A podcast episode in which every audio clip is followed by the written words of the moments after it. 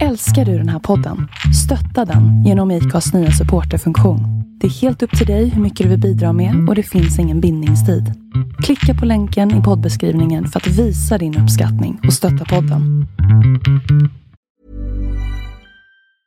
When you're ready to pop the question, the last thing you want to do is second guess the ring. At Bluenile.com you can design a one-of-a-kind ring with the ease and convenience of shopping online. Choose your diamond and setting. When you find the one, you'll get it delivered right to your door. Go to Bluenile.com and use promo code LISTEN to get $50 off your purchase of $500 or more. That's code LISTEN at Bluenile.com for $50 off your purchase. Bluenile.com code LISTEN.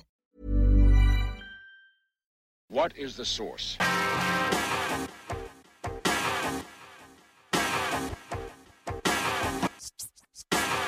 One, two, three, send it!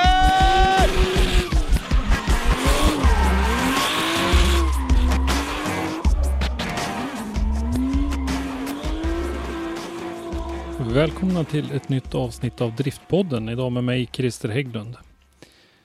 Dagens avsnitt är ett intervjuavsnitt eh, som vi har fått önskningar på och eh, gästen är en riktig publikfavorit. Eh, han har trogna följare på sina sociala medier och är jättepopulär när han är ute på tävlingar.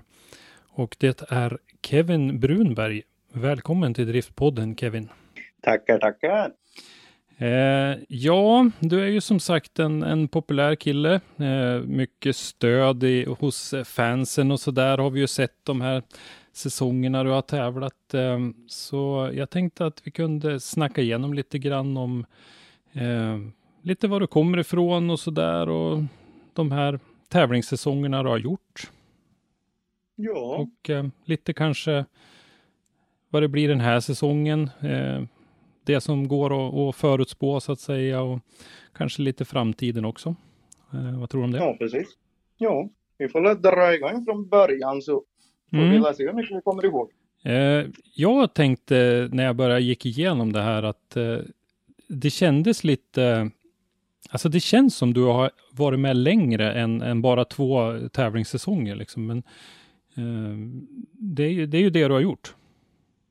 Ja, eh, bilen köpte väl jag 2016? Nej, 2015 köpte jag bilen. Eh, och då så var ju inte riktigt planen att jag skulle hålla på med drifting utan det var ju mest att jag skulle ha något ja, på gatan och äta glass i och ha lite roligt med. Mm. Eh, men bilen, den, ja, det var en standard 745 eh, med en lite uppskrämd B230 8 ventiler. Eh, men den motorn, den exploderade dag två i mina ägor. Så då liksom vart det, vad gör vi nu? Mm. Och då spånade vi in på om man skulle börja och kanske åka lite på gat eller på banan istället för gata och sånt här. Eh, så då började ju resan med att bygga en banbil. Eh, så vi började med att stoppa i en bur och byggde en ny åtta ventilare och lite styrvinkelkit och några billiga coilovers och ja, basic så att säga för att kunna köra lite. Mm. Eh, och sen fick jag ju ut bilen då 2016 och det, jag var ju inte så där att jag var så jättesugen på bana för desto mer vi byggde desto nervösare vart jag och man började tveka och tänkte vad ger man sig in på? Mm. Ja, kommer man klara av att sladda på asfalt? För det hade jag heller aldrig gjort. Så, men till slut om så efter mycket tjat från både pappa och vänner så tog man sig ner till Hultsfred där i mitten av 2016 och sommaren där. Och provade på att sladda och det gick ju bättre än förväntat. Och sen den dagen så har det ju bara vuxit och ja, till man är vart man är idag. Mm. Så 2016 då var det ju, ja, efter Hultsfred så var det ju att köra så mycket som man hann med de tillfällen som fanns. Så vi var väl där nere och sen på Gröndal och Mantorp. Så det var väl fyra körningar det året tror jag. Mm. Eh, problemfritt så det var en bra start. Och kände att ja, men, det här var ju kul. Det är ju bara att hoppa i däckhögen och leta efter några bra med mönster och köra liksom. Mm. Så ja, inför 2017 där så gjorde vi inte så mycket med bilen utan den funkar ju. Eh, och två veckor då innan premiären på Gröndal. Det var väl Driftzone som hade någonting där om jag inte missminner. Ja, någon precis. körning. Ja, vi hade ju något samarbete där som vi kallade för Drift Zone Drift Days eh, ett par Ja. gånger på grund av det.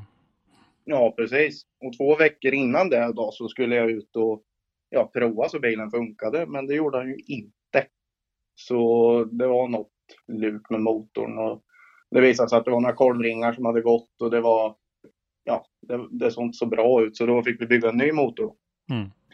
Eh, så det gjorde vi då på en vecka vart det väl. Åkte och bromsade den och sen stack vi upp till Gröndal. Och han gick ju riktigt bra bilen. Eh, bromsade väl ur 430 hjulhästar då tror jag. Men det räckte ju då med de 15 tummarna om man åkte på. Mm. Och de motorerna du hade då fram till dess, var det liksom liknande koncept? Det var B238 ventiler med liknande delar i liksom?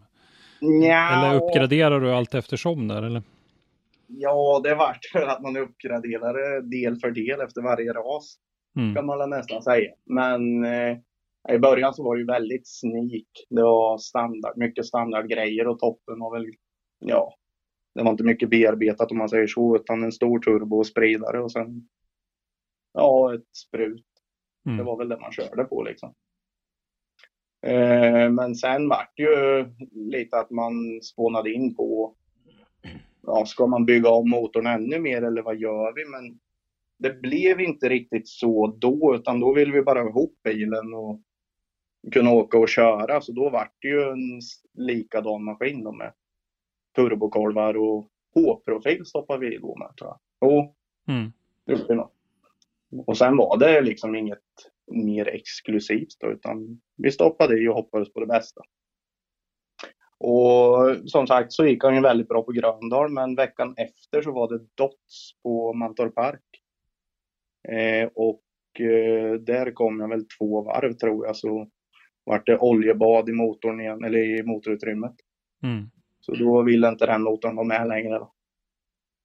Så då stod jag lite där i kvalet. Vad fan, vad gör jag? Det här är ju inte kul liksom när det bara går sönder. Ja. Men då var det ju han eh, motorbyggaren, Max Nilsson heter han, som har byggt alla mina åtta ventiler genom åren. Han hade själv en driftingbil som han hade en uppvässad 8V. eh, Med också turbokolvar och H-profil men lite mer bearbetad topp och så här. Och den hade gått problemfri i två säsonger. Så då sa han det att eh, köp min bil. Men det vill jag ju inte utan jag vill ju bara ha motorn. Och efter mycket om och men så lyckades jag få honom att köpa den då. Så den köpte jag och stoppade i. Och då vart vi färdiga med den i samma, ja, samma veva som Hultsfred skulle ha sin Hultsfred Brejersladd. Eh, och då var det min eh, kompis Jimmy där som sa att vi ska åka ner och tävla. Mm. Och då vart det ju bara nej, fy. Det, det kan jag ju inte göra. Men han övertalade mig så vi åkte ner då på fredagen där och tog driftinglicens och lite så här, eller tävlingslicens. Och eh, sen åkte vi ner på lördagen och skulle köra och jag har nog aldrig varit så nervös tror jag som jag var den dagen. Det, jag kunde ju, nej, jag kunde knappt gå. Allt skakade. Och det, Mm. Förstår inte vad som hände riktigt. Och det vart ju inte bättre sen när, när de stora grabbarna började rulla in. För det var ju Jesper Fager kom med sitt och Jocke Gran kom med sitt och Linnarsson kom och Mm. det var liksom, ja Hjalte kom också. Och det var liksom, jag började fundera på vad är det som händer? Ska de här tävla eller vad, vad gör jag här? Mm. Men eh, ja, vi åkte ut och kvalade och kvalade tvåa efter Jocke Gran. Mm. Eh, Det är väl en ganska skaplig början. Ja, och då tändes väl en lampa i mig med tror jag. Att man kanske kan köra lite bil trots allt. Mm. Eh, och vi laddade väl om för ja, att köra stegen då. Då var det ju singelrepor man körde. Var ingen tandem eller twin då utan det var ju var, man körde själv och sen var det bedömning på det. Mm. Men eh, jag lyckades ändå ta mig till final där och mötte Jocke Gran i final då. Men eh, då var man ju överladdad så då, då fick man ju smaka på lite betongmur istället för att köra vettigt då. Mm. Så jag slutade på en andra plats och det var väl först då som jag sa till pappa att nu satsar vi på det här. Mm. Och han höll ju med helt och hållet. Då. Så vi fortsatte att friköra hela 2017 till Halloween on Track på Mantorp. Och efter det så sa vi att nu, nu bygger vi om bilen totalt. För den var ju fortfarande lika basic då i, Mm. i karossen. Ja. Och då började ju resan mot en fullblodad eh, driftingbil eller provbil. Mm. Och eh, jag tog mig lite vatten över huvudet trodde jag för vi, gjorde, ja det var en tom kaross. I december hade vi kapat ur bur och slitit en framvagn och bakvagn och rubb och stubb. Mm. Eh, och sen skickade jag iväg bilen ner till Fager då som svetsade i en bur. Och...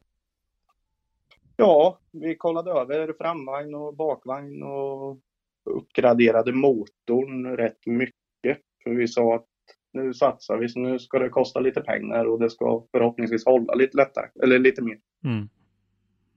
Så det vart ju lite, ja vi betongfyllde blocket och borrade in nya vattenkanaler så istället för att ha original vatteningång så hade jag åtta vatteningångar i blocket och fullsmidd och ja det var, visst man kan ju göra mycket mer om det så men jag tyckte det var rätt mycket då och motorn var rätt, ja den var bra tyckte jag. Mm.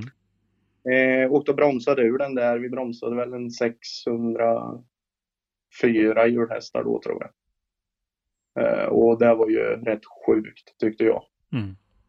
Men jag Ja, tänkte absolut. också då att det här kommer ju aldrig hålla för har de inte hållit för 400 så kommer de aldrig hålla för 600. Mm. Men eh, vi tänkte att vi, vi provar på då. Och sen sökte vi till RM där under vintern också. Eh, och först så kom jag inte med i RM. Men eh, sen tre dagar senare så fick jag ta en reservplats från någon som hade tackat nej. Och ja, där började väl tävlingslivet om man säger så. Mm. Det började planeras och ragga folk och kolla semestrar och det var både det ena och det andra. Någonstans där Och- under vintern så var ju första kontakten vi hade. Eh, för då var ju du ett av de nya namnen då i, inför RM. Ja. Eller? Jo, det måste Jo. det ha varit. För jag vet en del intervjuade jag som skulle, som skulle köra Sverigecupen, men som eh, sen hamnade i RM ändå innan det var färdigt. Men du, du var nog RM-förare från början, men då hade vi lite kontakt. Eh, vi Ja. gjorde någon kortare intervju sådär och, och eh, eh, frågade lite om konkurrensen och sådär. Och det var, ju, det var ju många som sagt, så det var ju, det var ju tufft bara att komma med i den serien.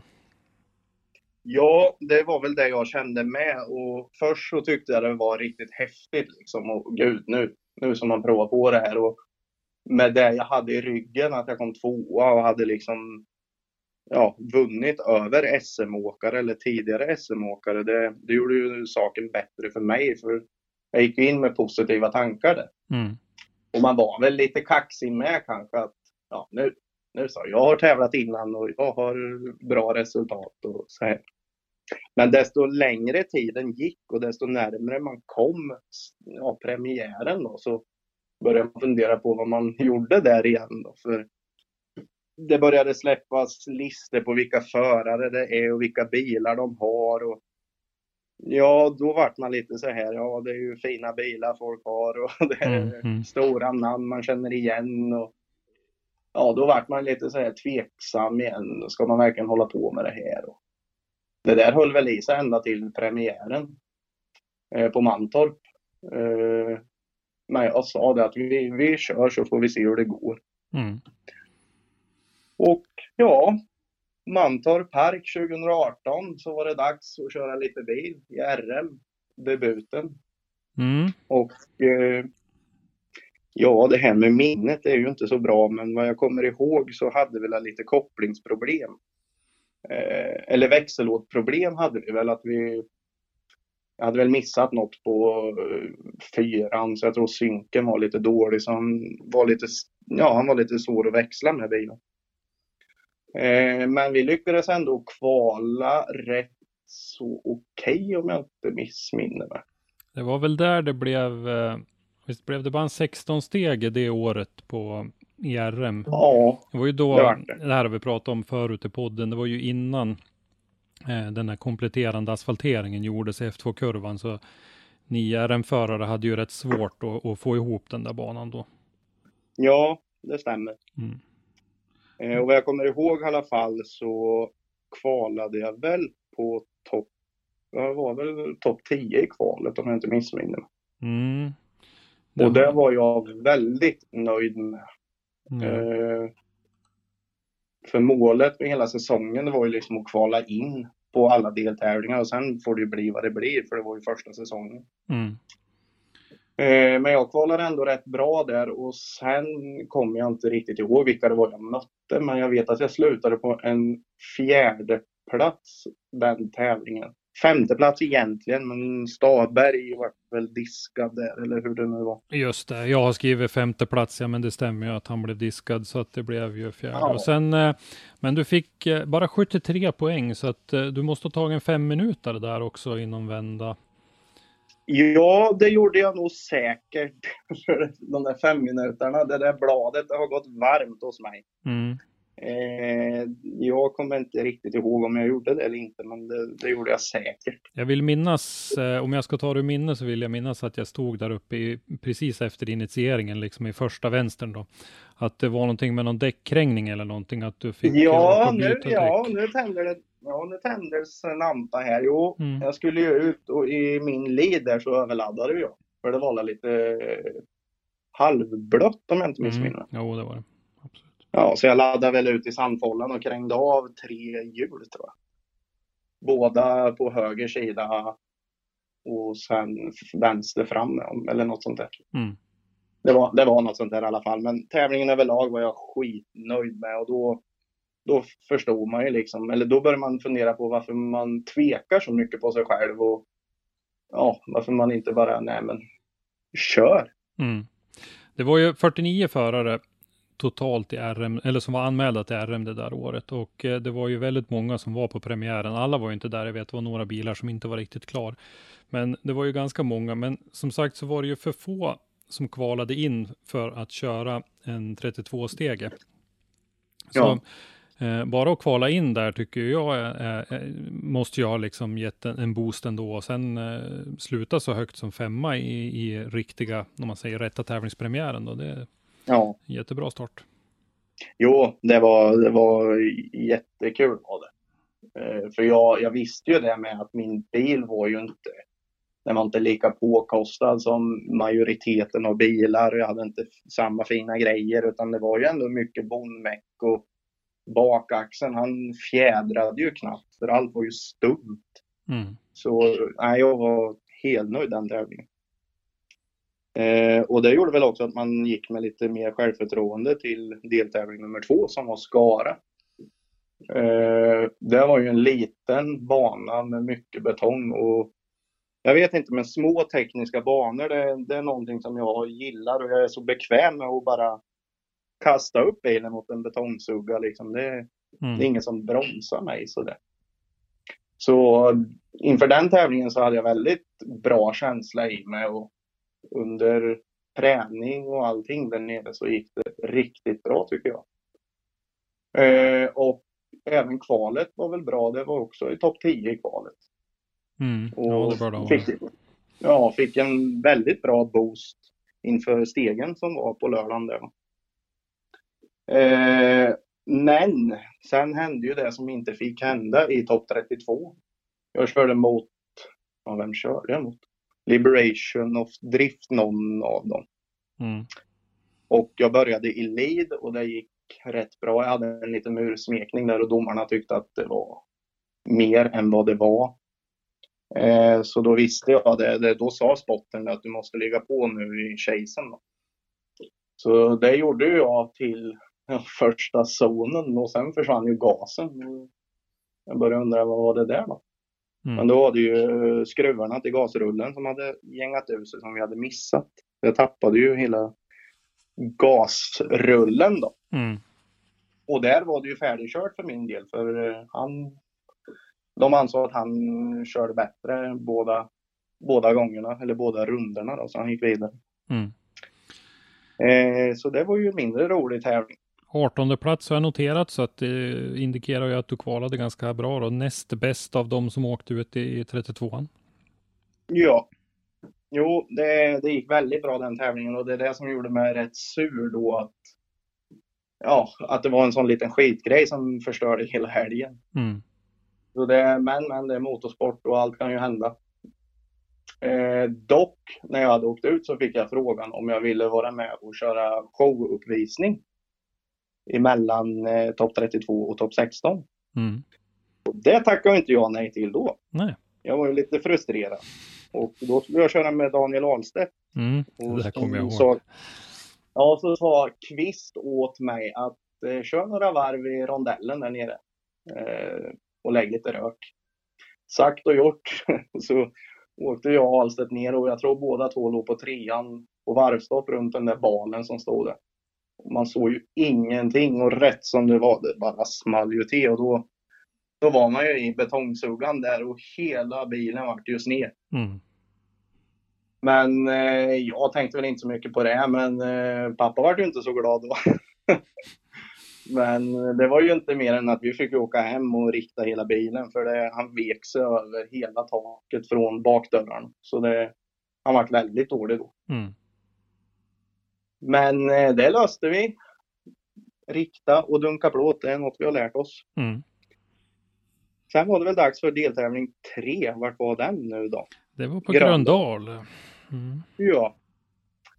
Eh, och Gröndal hade jag varit och kört rätt mycket på genom åren, så den, den banan ser jag också fram emot. Mm. Men då kom de med, med lilla twisten då, att vi skulle köra något fel håll eller rätt håll eller hur det nu blir. Mm. Ner, nerför backen vid muren brukar jag beskriva det som för de som inte Ja. vet vad rätt och fel är. Nej, det är så många som säger olika vad som är rätt och fel, så jag, Mm. Race-riktningen har jag hört någon kalla det också. Ja, roliga riktningen vart ju efter den tävlingen för den var en riktigt härlig bana faktiskt. Mm. Eh, väl där uppe då så, ja, träningen gick väl rätt bra om jag inte missminner mig. Och eh, kvalet gick väl också rätt bra. Var väl också där i kval topp 10.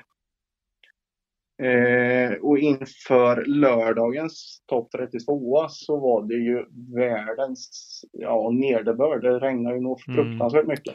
Just det, höll på att flöt bort allting i depån. Ja, ja, he- hela depån flöt ju. Mm. Så inför, eh, ja, på träningen på dagen där då på lördagen så var det ju väldigt sketchigt. Det var, vid röda muren var det ju blank is nästintill med alla gummirester som låg och blött. Och, ja, det var väldigt, väldigt svårt att hitta linje och få till en, ett bra flyt i körningen.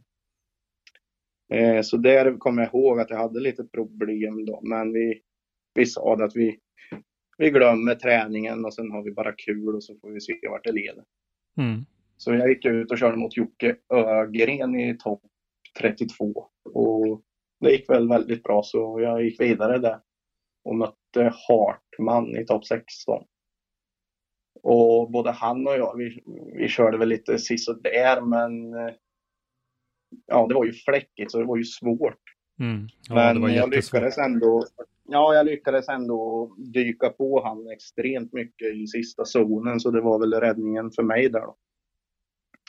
Eh, och gick vidare till topp 8 där jag mötte Zacharias Berggren. Och då, då visste jag det, för Zacharias han hade ju varit farlig hela året där. Jag visste att han är duktig så nu är det bara att fälla ner. Mm.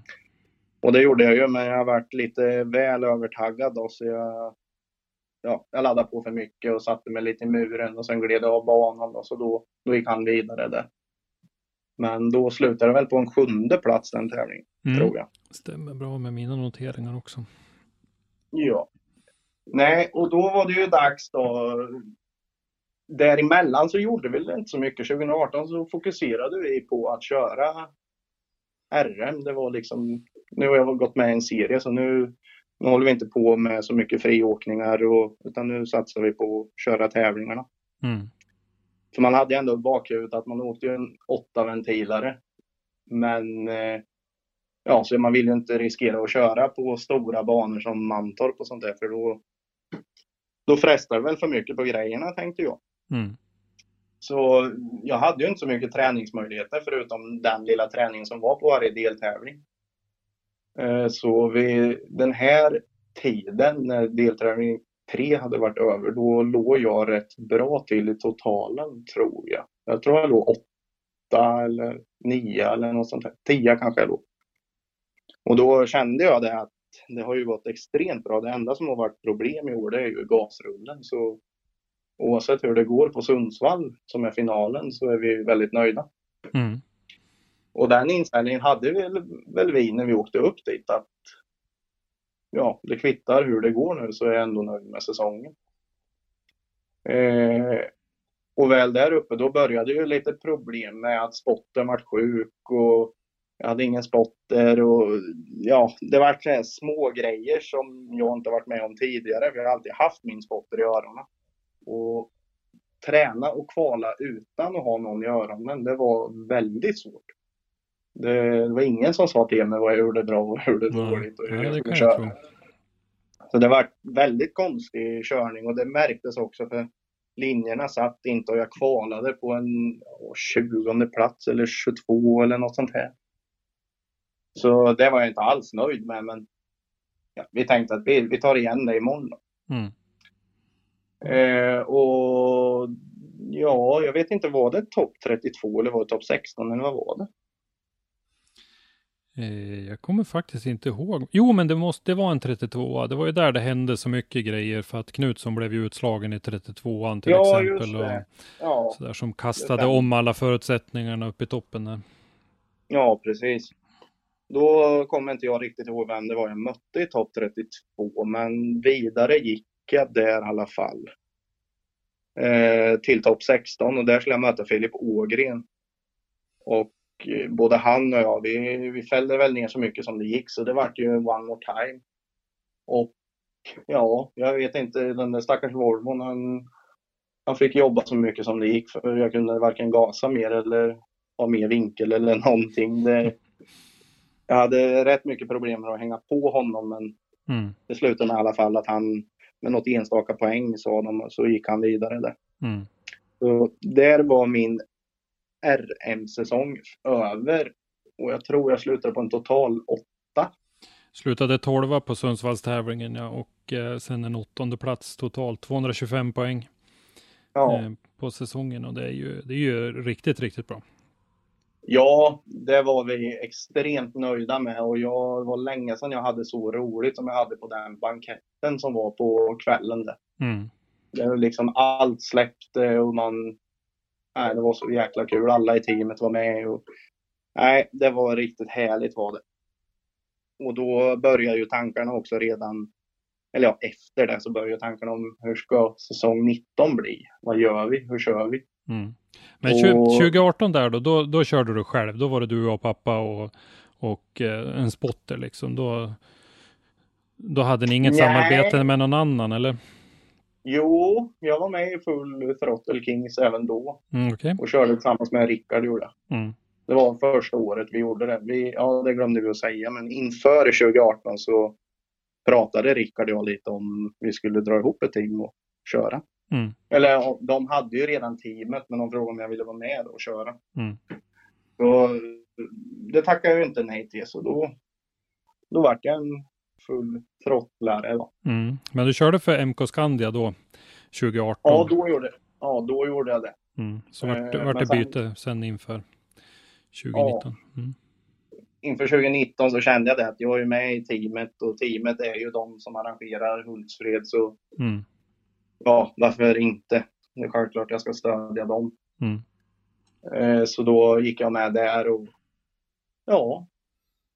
Sen kom ju bomben då att det blir, det blir inget RM 2019 utan det blir en SM-serie och Sverigecupen. Mm. Och då börjar ju tankarna direkt på att vad gör vi nu? Och jag pratade mycket med Lord och ja, familj och team och alltihop där hur vi ska göra. För man, man var ju ändå så pass nöjd med resultatet så man vill ju helst fortsätta i den riktningen eller mer framåt. Man vill ju inte ta ett steg tillbaka. Nej. Så då var det ju att antingen kör vi SM eller så ja, kör vi inte. Vad, lite det jag tänkte. För Men- jag vill ju inte... Vi, vi, hänger, vi hänger kvar lite grann i, i 2018. För det var en grej jag hade noterat här som, du, ni var ju med om en rätt otäck eh, krasch. Eh, Ja, det var vi. I slutet på 2018 där i, eh, eh, på gatubil va? Eh, Ja, det stämmer. September gatubil. Ja, Eh, det... Ja, nu tändes ett ljus här igen. Det var en sån där eh, ögonöppnare kan jag tänka mig lite grann med hur, hur viktigt det är det här med säkerheten och, och. Ja, Det- Berätta lite verkligen. kort vad det var som hände. Ja, efter finalen där så var det ju dags för gatubil eh, på Mantorp. Och då var planen att inte köra där för det var lite halvdåligt med ekonomi och så där då. Men eh, det slutade med att vi åkte dit i alla fall och jag och min sambo Therese som alltid är med. Vi körde ja, hela fredagen problemfritt och det bara, ja, det bara flöt på, inget, inga problem alls. Och likaså på lördagen så gick det också jättebra och linjen satt och fort gick det. Och sen framåt middagen, eftermiddagen där någonstans så sa väl jag till Tessan då när vi skulle åka på start och mål in mot Parisen att nu får du hålla dig för nu ska du nu ska vi göra en high speed entry eller vad man säger Mm. och prova på det för jag kände att nu är jag så bekväm här. Så jag stämplade ju ur den där stackars Volvon så mycket som gick ner där och jag bottnade väl fyran i alla fall. Och precis när jag skulle initiera så, eller när jag initierade så kände jag att någonting hände och då krängde vi då av bakhjulen. Eh, och det gick jäkligt fort. Och ja, man hann ju knappt att tänka men jag släppte väl allt och så höll vi oss i och sen ut i sandfållan och höll på att slå runt och flög runt i luften. Mm. Nej, det var, det var extremt äckligt. Inte just, ja kraschen i sig var väl läskig men det var mer läskigt att ha sin sambo i bilen. För det, Mm. Jag höll ju på att investera i skyddsutrustning även till henne så jag hade ju köpt allt ifrån Simson förutom hybridskyddet. Ja. Och det var ju min första tanke då, men då hade jag ändå varit så smart och satt i öronstolar i båda, både passagerare och förare i Mm. bilen. Så det var väl räddningen för henne då. Men eh, vi klarade oss rätt bra. Vi var sjukskrivna en vecka var ungefär. Vi var lite stela och ömma kan man väl lugnt säga. Mm. Och, och bilen vart väl inte så bra heller. Det, infästningar gick och länkarmar och coilovers och rubb och stubb vart ju knäckt då. Så det, det, det var ju färdigt för den säsongen. Ja, men det var, en, det var en ganska rejäl smäll. Jag såg inte själva kraschen kommer jag ihåg, men jag såg i bilen hur den såg ut efteråt och så där. Så att det var, ja, det var en rätt rejäl smäll, men jag förstår att det var en liten ögonöppnare för, för det här med säkerheten som sagt och, och hur, hur viktigt det är. Och har man passagerare så är det ju viktigt som förare att ta ansvar för passagerarna också. Ja, och det, man har ju inte, alla har ju inte liksom ja, den ekonomin att kunna köpa skyddsutrustning för en passagerare. Men man måste ju ändå se till att de sitter fast och jag förespråkar att man ska ha öronstolar efter den där kraschen. För Mm. hade inte vi haft det, då vet jag inte hur det hade slutat för huvudena, det slog duktigt. Mm. Jag, jag hade ju såklart mitt vridskydd och allting på mig, men medåkaren hade ju inte det. Ja. Så ja, hellre att man lägger 30 000 på sig själv eller på passageraren än att man lägger dem i en motor liksom. Mm. Man, säkerheten den är först och främst och sen kan man börja bygga bil. Det, det är något som jag lärde mig efter den incidenten. Mm. Ryan Reynolds here from Mint Mobile. With the price of just about everything going up during inflation, we thought we'd bring our prices down. So to help us, we brought in a reverse auctioneer, which is apparently a thing. Mint Mobile unlimited premium wireless. Ready to get 30, 30, bit to get 30, bit to get 20, 20, 20, bit to get 20, 20, bit to get 15, 15, 15, 15 just 15 bucks a month. So, Give it a try at mintmobile.com slash switch. $45 upfront for three months plus taxes and fees. Promo rate for new customers for limited time. Unlimited more than 40 gigabytes per month. Slows. Full terms at mintmobile.com. Hey there, it's Michelle Norris. I'm host of a podcast called Your Mama's Kitchen. When I travel, I'm usually looking for a way to find a taste of home when I'm not at home. And one of the things I love to do when I am at home is entertain. And Airbnb allows me to do that. When I was in California recently, I rented a house that had a great kitchen. And when we were sitting around the table, we're all thinking, we're in someone else's house. Someone could be in all of our homes as well. If you have a home, but you're not always at home, you have an Airbnb.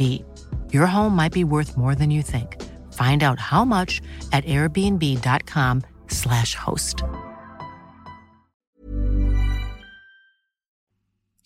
Ja, men ja. eh, sen så började det bli vinter och funderingarna gick då som sagt eh, kändes naturligare att ta något steg framåt eh, istället för att gå sidan eller nästan bakåt lite grann. Ja, det var ju det och vi tog väl beslutet rätt så snabbt att vi, vi kliver upp i SM om, om vi får. Då. Eller ja, det, det fick vi ju. Det sa de ju att topp 15 eller topp 16 eller vad det var, de fick automatiskt gå upp eller hur det var. Mm. Så vi bestämde oss för det, men då kände ju vi det att vi, vi hade ju sådana extrema problem med att växla. Eh, och har man en liten åttaventilare som vaknar vid liv vid ja, 6000 varv, då kan man inte missa en växel. Det funkar liksom inte. Mm. Så då bestämde vi oss för att vi river ner motorn och kollar hur han ser ut.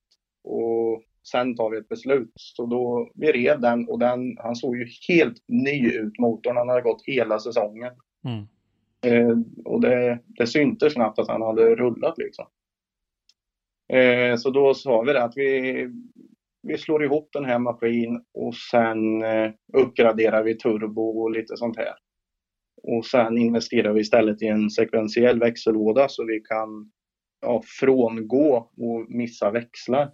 Ja, du hade åkt BMW diesellåda fram Ja. till dess eller? Ja, precis. Mm. Eh, och visst, de höll ju bra, men att växla på högvarv i en diesellåda, det, de gillar väl inte, de är inte riktigt byggda för det. Nej. Eh, och ja, vi köpte en Cellholm MPG-låda och sen tänkte vi att vi går ju upp i däckdimension och det blir R-däck och vi måste ju ha bättre drivlina så då bytte vi ut hela bakvagnen också då till en full TXR-bakvagn med torsendiff och rubb och stubb då. Eh, och sen gjorde vi väl inte... Jo, vi rev ner hela bilen och lackade den gjorde vi och satte lite skärmbreddare och fräschade till lite. Just det, det vart väl en, en betydligt piggare livery också då Ja, eh, inför den säsongen va? ja, vi kände det både jag och Rickard att vi vill... Han ville göra något nytt på sin bil och jag hade precis en nylackad bil så då, då sa vi att vi, vi sätter på någon livery på den så den ser ändå något om något ut som teambilar. Mm. Så resultatet var väl rätt bra. Jag är helt nöjd. absolut. med bilen. Och sen, ja, ansökte vi också till påsksladden och fick besked att vi kom med där då. Ja. Så då var det väldigt mycket på gång, både SM och påsksladd och det var ju bara grejer man hade drömt om för två, tre år innan. Mm. Och tänkt att där kommer man ju aldrig hamna, men det var man ju nu. Eh, och ja, ett par veckor innan påskladden så var vi och bromsade bilen. Eh, och sen åkte vi till den här testdagen på Mantorp Park som var anordnat för tävlingsförare. Och ja, bilen han gick nog fruktansvärt. Han har aldrig gått så bra någonsin, tror jag. Det, han sköt på något fruktansvärt hela dagen. Och då kände vi det att inför ja, Elmia så det kommer bli bra det. Det Mm. var kul. Så vi lastade ihop och drog ner till Elmia och började att träna där och kände väl direkt att vad är det som händer? Det finns ingen ork alls i bilen. Så det liksom orkar ingenting och den där stackars kopplingen han fick ju jobba mer än något någonsin om man säger så. Mm. Och vi krigade oss igenom den dagen och ja, letade fel på fel men vi, nej, vi hittade ingenting och sen var det dags för kval och då var det liksom, ja ja, vi åker ut och så gör vi något vettigt av det bara. Så vi åkte ut och körde där och det gick väl lite, jo men det gick väl rätt bra. Jag vet inte, jag var väl tre, fyra placeringar ifrån stegen tror jag. Eh, I kvalet där. Mm. Det var också Och sen- tufft att, att ta sig in i stegen. Det var ju flera Ja. fjolårsvinnare, bland annat eh, Pavel, så eh, någon fler som inte tog sig in i stegen det året. Ja, precis. Nej, det var väldigt duktiga förare. Så jag, det var ju som jag sa till både samarbetspartner och teamen att jag åker absolut inte ner dit för att vinna utan jag åker ner dit för att visa upp bilen och bara bli varm i kläderna liksom. och bju- Bjuda lite på show. Mm. Så det, ja, det var väl det vi gjorde med. Men sen kände vi det att vi måste hem och leta fel för det är något som är galet. Och ja, vi åkte hem och vi kollade allt förutom att riva ner motorn. Då. Men vi hittade ju ingenting. Vi hittade något litet, litet läckage vid insug och så här som vi åtgärdade. Och... Sen var det ju dags för SM-premiären på Mantorp. Det var ju inte långt Och- emellan där. Det var ju bara var en dryg vecka va? Ja, det var det ungefär. Så vi gjorde det vi. Och ja, jag var riktigt peppad för att köra, men samtidigt så hade jag någonstans i baktanken att någonting är ju lurigt, men vi vet inte riktigt vad. Men det kanske är löst, men ja, vi visste inte så mycket då. Men vi åkte ut och tränade och kände väl, då var det blött tror jag, när vi började träna. Eh, Så då gick det väldigt bra. Men sen så fort det började torka upp, då, då fanns det ju ingen ork i maskin. Det är liksom... Det kändes som man åkte med 300 häst och nej, det, det gick inte. Så vi, ja, vi försökte att leta fel, men nej, vi hittade ju inget. Så då fick jag gå ifrån R-däcken och gå till gatdäck istället. Eh, och satte på gatdäck och åkte ut och det, ja, lite bättre vart det väl, men det gick ändå tungt.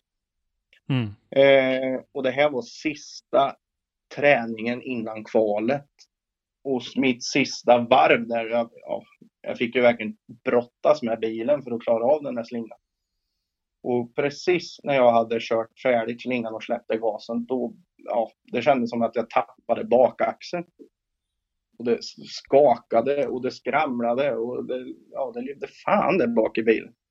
Mm. Så jag, jag stannade ju där och rullade lite sakta. Och då var det ju infästningen i golvet i karossen, det hade ju slitit sönder. då, Så hela bakvagnen var ju lös. Okej. Så han hängde ju typ bara i ja, lite bromsrör och kardan. Ja. Och då var det en timme till kval. Eller 40 minuter. Det var ett förarmöte emellan och sen var det kval. Så då sa jag det. Och herregud, det här, det här går ju inte.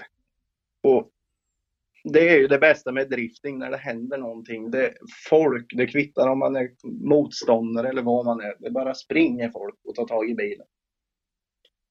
Och de sa till mig att gå på förarmötet så löser vi det här. Mm. Så jag gick ut dit och var lite hängig och ja, ja. Vad händer typ? Fattade ingenting. Men sen när vi väl kom ut där då Ja, då låg ju bakaxeln i ja, del för del och allt var ju på backen. Och då var det 10 minuter kvar till vi skulle dra igång. Och jag var bil nummer två ut. För jag startade rätt tidigt. Mm. Så då fick jag säga det att jag måste starta sist.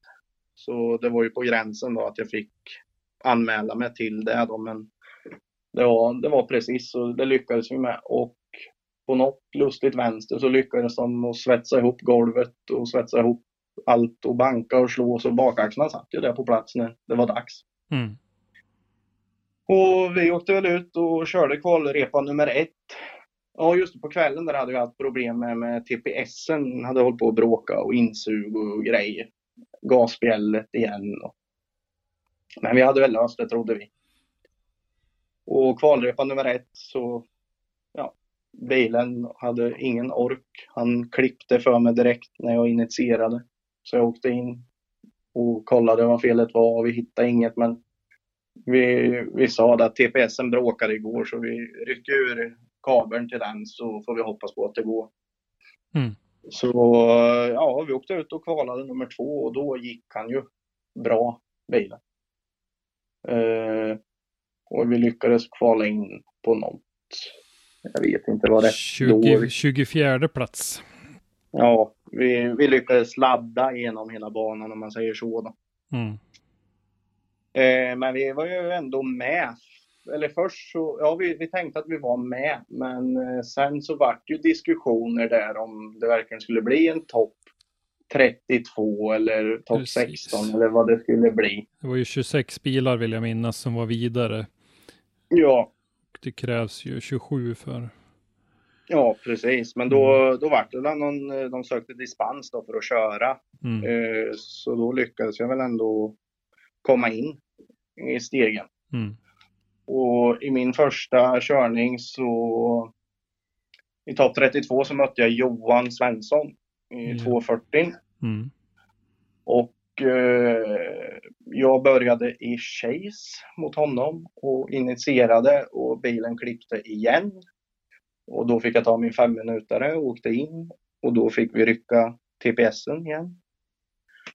Och åkte ut och satte en väldigt bra eh, lead-runda där då, så jag gick vidare till topp 16. Mm. Och väl i topp 16 mötte jag Herman Jansson. Jajamän. Och där, eh, vi körde lite sisådär båda två, så det vart en one more time. Mm. Och eh, sen så hände det väl något med Herman. Jo, jag, jag, jag började ju lead och satte min, och han dirt droppade väl efter mig tror jag. Så då tog han en femminutare.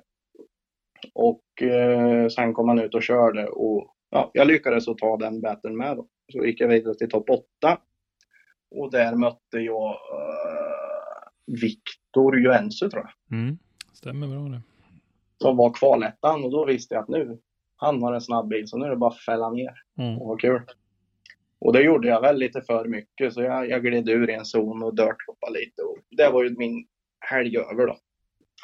Men eh, det var ju samma sak där. Jag slutade, ja, jag kommer inte ihåg vad det var för placering. Ja, sjua säger min notering här så att. Eh, Ja, det var väl där någonstans och jag var ju helt nöjd att komma sjua i första SM-premiären liksom med så mycket problem som vi hade haft. Så... det var ju en tävling där det hände mycket därför att eh, även Rickard hade ju problem så jag vet att ni eh, när du hade åkt ut så höll ni väl på att hjälptes åt för Rickard hade ju något problem med han körde väl ihop med Henrik Åkesson vill jag minnas. Ja, så att han hade de. något problem med några drivaxlar som gick av och sådär. Ja, det var väl eh, klumpen, eh, diffen flyttade väl sig lite eller Mm, ja, det var någonting nu var. sånt. Så att det var, Ja. de spände, eh, drivaxeln blev inspänd liksom. i- ja, och gick av och sen kom han ju, gick han ju vidare och det, nej, det funkade ju inte där i alla fall. Ja, det var ju den helgen över och vi var väl rätt ja, trötta för det hade ju varit skruvar. Vi skruvade nästan hela natten ja, mellan kval och stegdagen om man säger så, mellan fredag och lördag. Mm. för att leta fel och, och greja. Men när tävlingen väl var över och vi hade det resultatet med oss så var vi väldigt nöjda. Eh, och det var väl där vi åkte. Då kände vi att nu ska vi köra gatubil sommarträffen. För det hade jag aldrig gjort. Mm. Och då åkte vi till gatubil. Och eh, ja, däremellan hade jag varit och bromsat bilen igen och kollat. Eh, och tror jag. Nej det, nej, det hade jag förresten inte gjort. Men hittade Utan du felet tog- där i, som, som, eh, som du höll på att jäklades med under SMT-tävlingen? Då Ja. hittade du så du löste det? Ja, vi hittade att eh, gasspjället, axeln som går i gasspjället, eh, om, ja, den var trasig den axeln i alla fall. Och så läckte det ut rätt mycket i en packning som skulle suttit där som inte satt där. Mhm. Eh, och det var bara ett sånt här, ja. Vi, vi hittade det bara av någon anledning. Vi höll på och kollade hemma till slut. Eh, så då tänkte vi att det är ju det, för han har ju släppt ut så mycket laddtryck här liksom. Så det har ju inte blivit någonting. Mm. Eh, så väl på Mantorp där sen på gatubil så gick han ju, han gick ju inte som han skulle göra men eh, han gick ändå rätt bra. Men vi hann inte att köra så jättemycket förrän han började trycka ur sig massa vatten med. Men det var ju ingen vatten någonstans. Han läckte ju inte någonstans och det var ingen vatten i oljan. Vi förstod inte vart det tog vägen. Mm. Men sen åkte jag efter Johan, Ingvar, eller, Jo- Johan Ingvaldsson kejsade mig. Och då så, när vi kom in så sa han det att helvete vad du skjuter vatten på mig från avgasrör.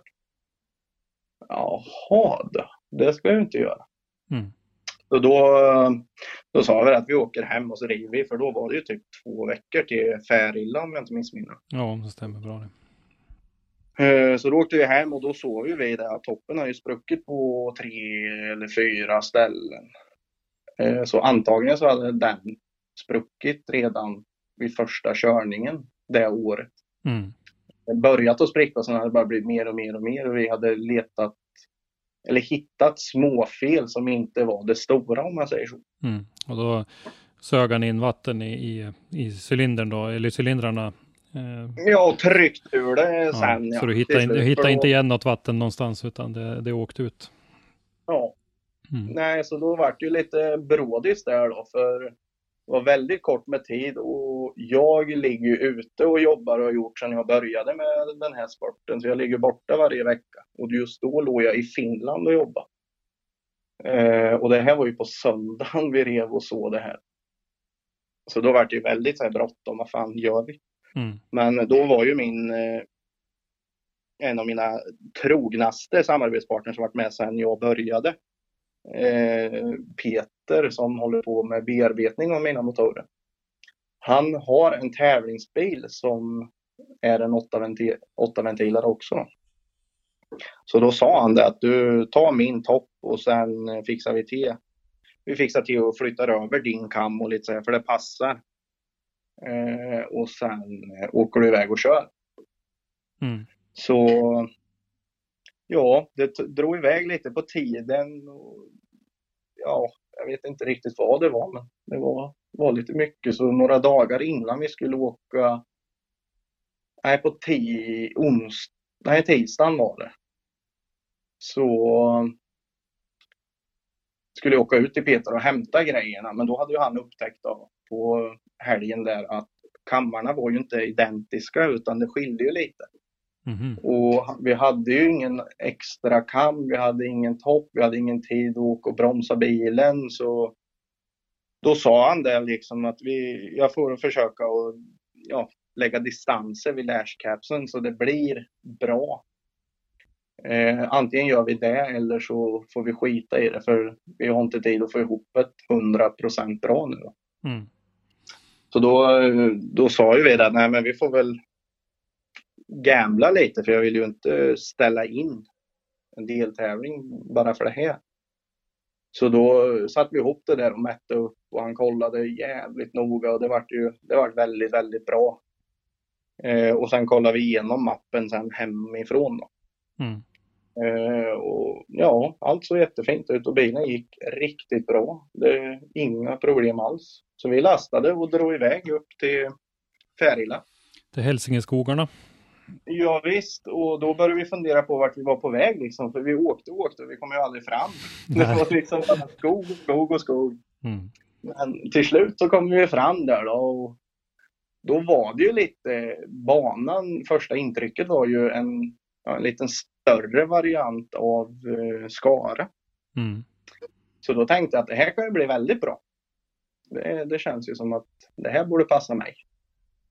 Så vi började åka ut och träna där dagen efter och ja, det var lite sketchigt i början för det var väldigt hög ingångshastighet och sen bromsades ner och murar och ja, man, man var lite feg men det släppte ju rätt snart.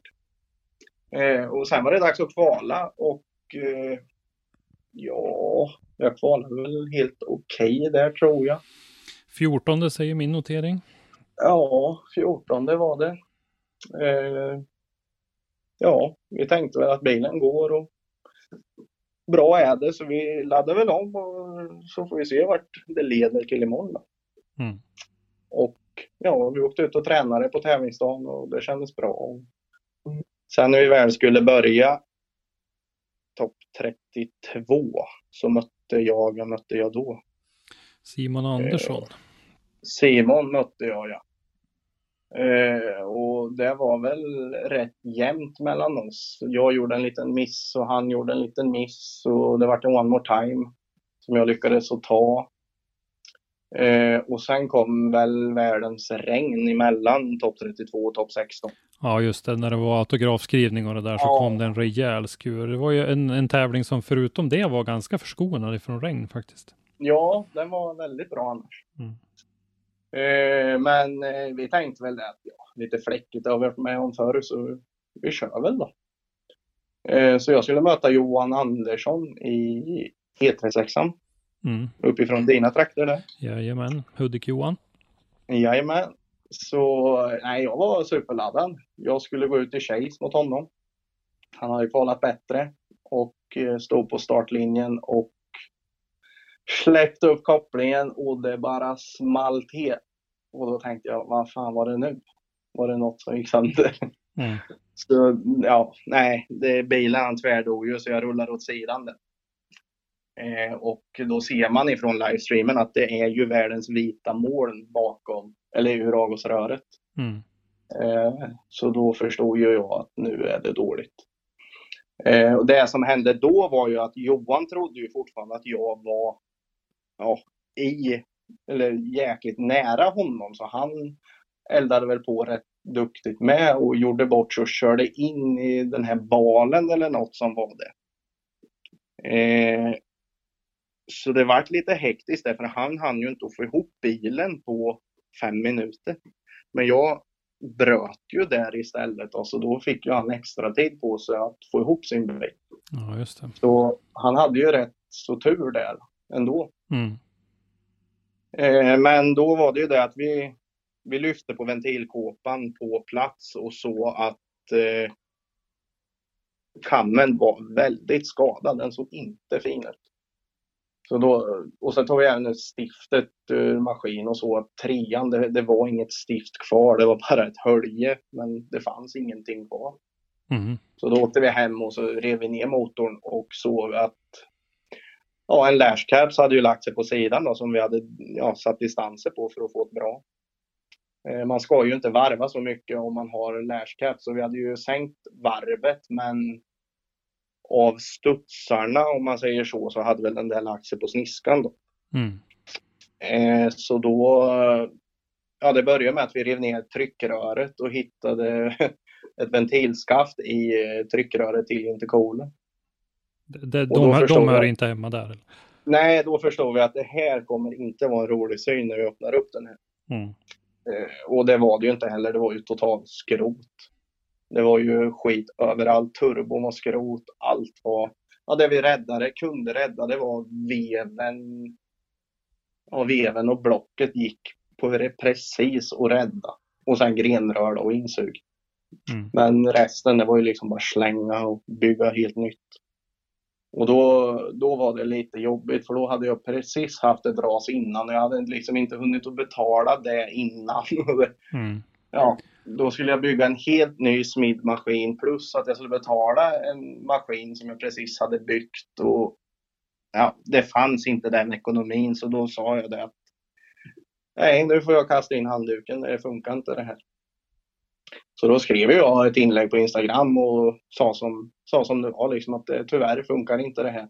Mm. Eh, pengarna är slut och jag kan inte göra så mycket. Och då börjar ju mina följare att bli lite så här smått galna och skriva till mig. Ja, men du måste ju lägga ut ett swishnummer så vi kan hjälpa dig. Mm. Nej, jag kan inte, nej, jag vill inte tigga om pengar liksom. Det går inte. Jo, men du ger ju så mycket glädje åt oss och nu är det våran tur att ge tillbaks. Och det var liksom 9-10 stycken som höll på att skriva det direkt. Mm. Mm. Och det tog emot mycket, men då tänkte jag, men istället för att tigga pengar så säljer jag hela taket då till de som vill köpa. Så köp en plats på taket på bilen för 300 kronor. Mm. Så jag la ut det där och sa att köp en plats på bilen för 300 och rädda min säsong om ni vill. Eh, absolut inget måste. Mm. Och det skramlade ju till något fruktansvärt på swishen där så Ja, jag hade ju en helt nybyggd maskin med turbo, rubb och stubb på ett dygn. Det var ju Ja, det var ju följarna liksom. De bara eskalerade och jag tror det var 80 personer som swishade och det var alltid från 300 upp till 3000 Mm. per person. När, när jag presenterade det som publikfavorit så var det ju ingenting jag drog i någon tombola utan det, nej. nej, nej, jag har varit lika chockad jag där, men eh, nej, jag är så evigt tacksam och de sitter kvar på bilen även idag för det, de räddade hela förra året. Då. mm. Så det, nej, det var jävligt fint och jag blir fortfarande lite tagen när jag tänker på att Mm. folk man ja. aldrig träffat eller pratat med bara swishar massa pengar. Mm. Nej, så då lyckades vi ändå bygga ihop en ny maskin och då sa vi att nu bygger vi allt efter konstens alla regler. Eh, dock så gör vi den inte fullsmidd med liksom smidd vev och rubb och stubb för det, det kommer bli för jävla dyrt. Och det var bara två körningar kvar så jag sa det till motorbyggaren där att jag litar på dig, sätt ihop något som är väldigt bra. Och det vi hade haft problem med i alla år, det var ju varvet, att jag varvade. Mm. Eh, för jag har ju ja, åkt med lashcaps och sånt här. Så då gick vi ifrån de kammarna jag har kört med och köpte istället en råämneskam så vi ja, kom ifrån att det ska kunna hända igen. Och de är ju tre gånger så dyra men ja, det, då sparar vi på de grejerna liksom. Mm. Så vi satte ihop en motor där och eh, ja, fick ihop den strax innan Hultsfred. Åkte och bromsade den och ny turbo, rubb och stubb och det var väldigt bra effekt. Eh, och så höjde vi varvet också för nu, nu kunde jag varva med grejen utan att behöva vara orolig att något sånt ska ske. Så då, ja, vi varvade nästan 8000 tror jag med den motorn. Mm. Eh, åkte ner till Hultsfred. Och det enda vi hade då lite problem med det var kopplingen såg vi när vi satte ihop motorn. Och, ja, motorn åkte ihop två dagar innan tror jag, eller något sånt, tre dagar. Så då sa jag det att vi... Jag ringde till bakaxeldelar då och sa att... Eller jag, jag skrev ut och kollade om någon kunde ta med nya lameller ner. Och då kunde ju Herman eh, ta med sig dem då, så han svängde in och tog med sig ett par lameller. Så åkte vi ner till Hultsfred och bytte det på första dagen där. Ja. Men det var något lurt också för det, det, det, var, det var inte optimalt. Det funkade inte 100% som det har gjort innan. Eh, så jag förstod inte riktigt vad det var då. Men eh, vi fick det ändå funka helt okej. Åkte ut och tränade och satte väl linjen rätt så bra. Eh, den tävlingen så hade jag en ny spotter. Daniel Ahlstedt var min spotter då. Mm. Eh, och det är väl tack vare han att jag satte linjen så bra för jävlar vad han var på mig. Mm. Eh, ja men tidigare så de spottrarna jag haft innan har jag varit väldigt bekväm med. Men Daniel var jag också väldigt bekväm med men han var också extremt på. Mm. Och sa verkligen till mig att nu jävlar lyssnar du och så kör du så här. Han hade väl Punkt. lagt ett och annat varv på den där banan själv också.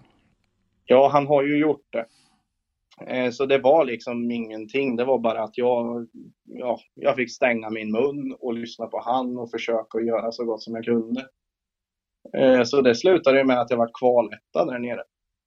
Mm. Eh, Och den känslan kommer jag nog aldrig att glömma för det var efter två stora ras och problem på problem och sen blir man kvaletta liksom. Det, nej, det var väldigt skönt och jag var rätt tagen då med för det har varit mycket skruva och bara motgångar och sen äntligen lite ljus i tunneln.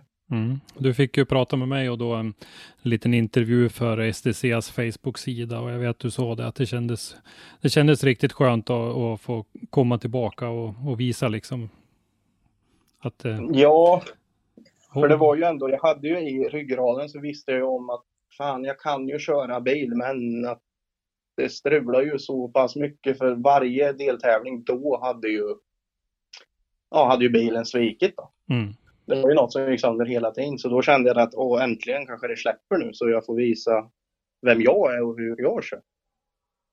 Eh, så vi laddade om där inför tävlingsdagen och tränade så mycket vi kunde och då kände jag, ja just det, jag hade ju kört på gatdäck också. Både första tävlingen och andra tävlingen på Färila. mm, Eh, och med nya sista maskiner då fick jag ett mycket längre och bättre register. Med tanke på att vi varvar mycket mer så då sa jag att nu, nu kastar vi på R-mackorna efter kvalet och så tävlar vi på ja, R-mackorna. Mm. Så gjorde det och det var ju som natt och dag. Och då började jag fundera på liksom alltså, hur kan jag ha kört på gatdäck när det finns de här däcken? Liksom, Mm. det, var, det var så fruktansvärt skönt att köra på R-däck. Så självförtroendet det bara växte ju. Eh, och sen var det ju dags för topp 16 var det väl där, tror jag. Ja, precis. Det vart på en 16. där. Ja, och då mötte jag Fredrik Persson. Och Fredrik hade ju jag vunnit över typ två gånger tidigare. För vi har ju tävlat både i RM och SM. Så jag har för mig att jag har slått ut han en eller två gånger tidigare. Så jag visste ju att han är ju, han vill ha revansch nu. Eh, men jag gick ut i liden där och satte en riktigt bra lidrepa. Eh, och kände det att nu är det bara, eller ja, Daniel sa väl det med att gör inga misstag utan kör bara så tar du det här. Eh, så jag gick ut i chase och initierade och låg rätt bra på honom. Tills andra muren, jag skulle kliva av kopplingen. Och ja, vad fan hände då? Jo, eh, bilen dog. Gjorde. Och jag förstod inte vad fan hände nu. Eller han dog inte, men han bara brr, brr. Mm. Då tänkte jag, vad fan är det nu då? Men nej, han hade väl också gjort något misstag, så var det någon one more time där eller något om jag inte missminner mig. Eh, Så då gick jag ut i lead sen igen och då hoppade laddkabeln till generatorn bort. Så då fick jag ta en femminutare och fixa det och sen skulle jag köra chasen och då kom jag vid muren och då la kopplingen av helt och hållet. Typ. Bilen dog och det gick inte att växla knappt. Mm. Så då var det färdigkört den tävlingen och då, då var jag rätt frustrerad för då var det tredje tävlingen i rad som något skit händer och det kändes liksom bra. Det här, det här kan gå långt kände jag. Och så Mm. blir det något sånt där. Så då, ja, vi tackade väl för den tävlingen och begav oss hemåt och rev ner lådan och kollade över koppling och ställde in det och ställde om det och då var det väl lite med vi hade väl tryckt sönder tryckplattan lite. Att vi inte hade justerat in det från början riktigt med urplantningslagret. Mm. Så antagligen så hade solfjädrarna tryckts lite för mycket och det tappat spänningen lite. Där. Eller något sånt där. Så vi löste det där och drog upp till Sundsvall i alla fall. Och väl där då så, ja. Jag var rätt trött på att köra bil då. Eller inte just på att köra bil, men bilar överlag. För det hade varit så jäkla mycket skruvar. Jag tror jag hade haft en helg ledig sedan ja, december, januari. Jag hade väl haft en helg med familjen. Mm. Så det var liksom, fan vad skönt att det snart är över det här kände jag. För då, det var för mycket motgångar för att det skulle vara roligt. Då. Och där uppe så började vi att träna och det var ju åt fel håll eller rätt håll eller även där. Eh, så det var en väldigt aggressiv ingång till en mur. Eh, och det där var väl något som skrämde mig lite för jag var inte hundra med bilen. Det var något som inte kändes bra. Styrningen var lite småkonstig och Nej, jag var, jag var inte bekväm. Jag, jag litade inte på bilen till 100 procent. Man hade den här bromsen hela tiden i kroppen, liksom att ja, något är galet. Mm. Men eh, vi, vi körde och tränade så mycket vi kunde. Eh, och sen, ja, de tre sista passen alltså så började han att skjuta styrkärv och remmar. Eh, varje gång jag var ute så sköt jag rem och ja, det bara bråkade så det vart ju ingen mer träning då inför kvalet. Så vi åkte in och försökte att se vad det var och riktade lite på servopumpen där och ja, försökte att se något fel men vi såg ju ingenting. Eh, så det var ju inte mer än att vi, vi får åka ut och kvala och så får vi ja, göra något av det och jag var ju så frustrerad för bilen bara strulade. Mm. Jag åkte ut och laddade på järnet där de laddade lite väl mycket så jag, ja, jag var tvungen att snurra runt då för att inte sätta mig stenhårt i muren. Så jag, jag slog sönder lite plåt och baklysen och skit. Eh, så jag nollade min första och sen åkte vi in och ja, vi kollade över igen och då såla någon att det var något galet med styrkärvon. Att ja, det sitter något som aluminiumfäste original där och det, om det var någon spricka eller något där i. Och vid varv så vidgade sig det där och den böjde sig Mm. och då flög remmarna eller något. Ja, det var något sånt där i alla fall. Mm. Men vi sa vi hinner inte nu utan vi får hoppas på att han sitter kvar och sen åker du ut. Skit i om du inte tar zonerna utan får bara poäng sa Daniel då för han var ju med där med. Mm. Så då åkte vi ut och så satte vi väl ändå en helt okej repa. Jag var inte jättenöjd med det men vi, vi kvalade in i alla fall. Jag kvalade 16 tror jag. Mm. Ja, stämmer. Ja, så då, då bestod ju den kvällen åt att byta styrkärvor då och byta fästen och ja, gå igenom bilen och riktan och ja, det var en skruvarkväll i vanlig ordning. Mm. Eh, men vi kände väl ändå att vi hade fått ordning på det så jag åkte ut och tränade där på lördagen och kände väl direkt att, för då var det blött med. Det var väl en jävla dag med regnet det där. Mm. Ja, gud, det var dimmigt på morgonen var det också. Man, det var ju Ja. som att titta ner i en tallrik fil ungefär. ja. Nej, då, då första varvet där, då kände jag hur framhjulen liksom wobblade och höll på att dumma sig som fan. Så eh, liksom, nej, vi åkte in och vi skruvade och vi gjorde hjulinställningar och vi kollade pumpen och allt möjligt. Men nej, vi hittade väl inget specifikt där utan ja, vi rättade till och sen helt plötsligt så, ja fan nu är det 20 minuter kvar till topp 32. Åh jösses. Ja, ja. Nej, men det här blir bra tänkte jag. Nu åker vi ut. Och då skulle jag möta Näslund. Skulle jag möta. Mm.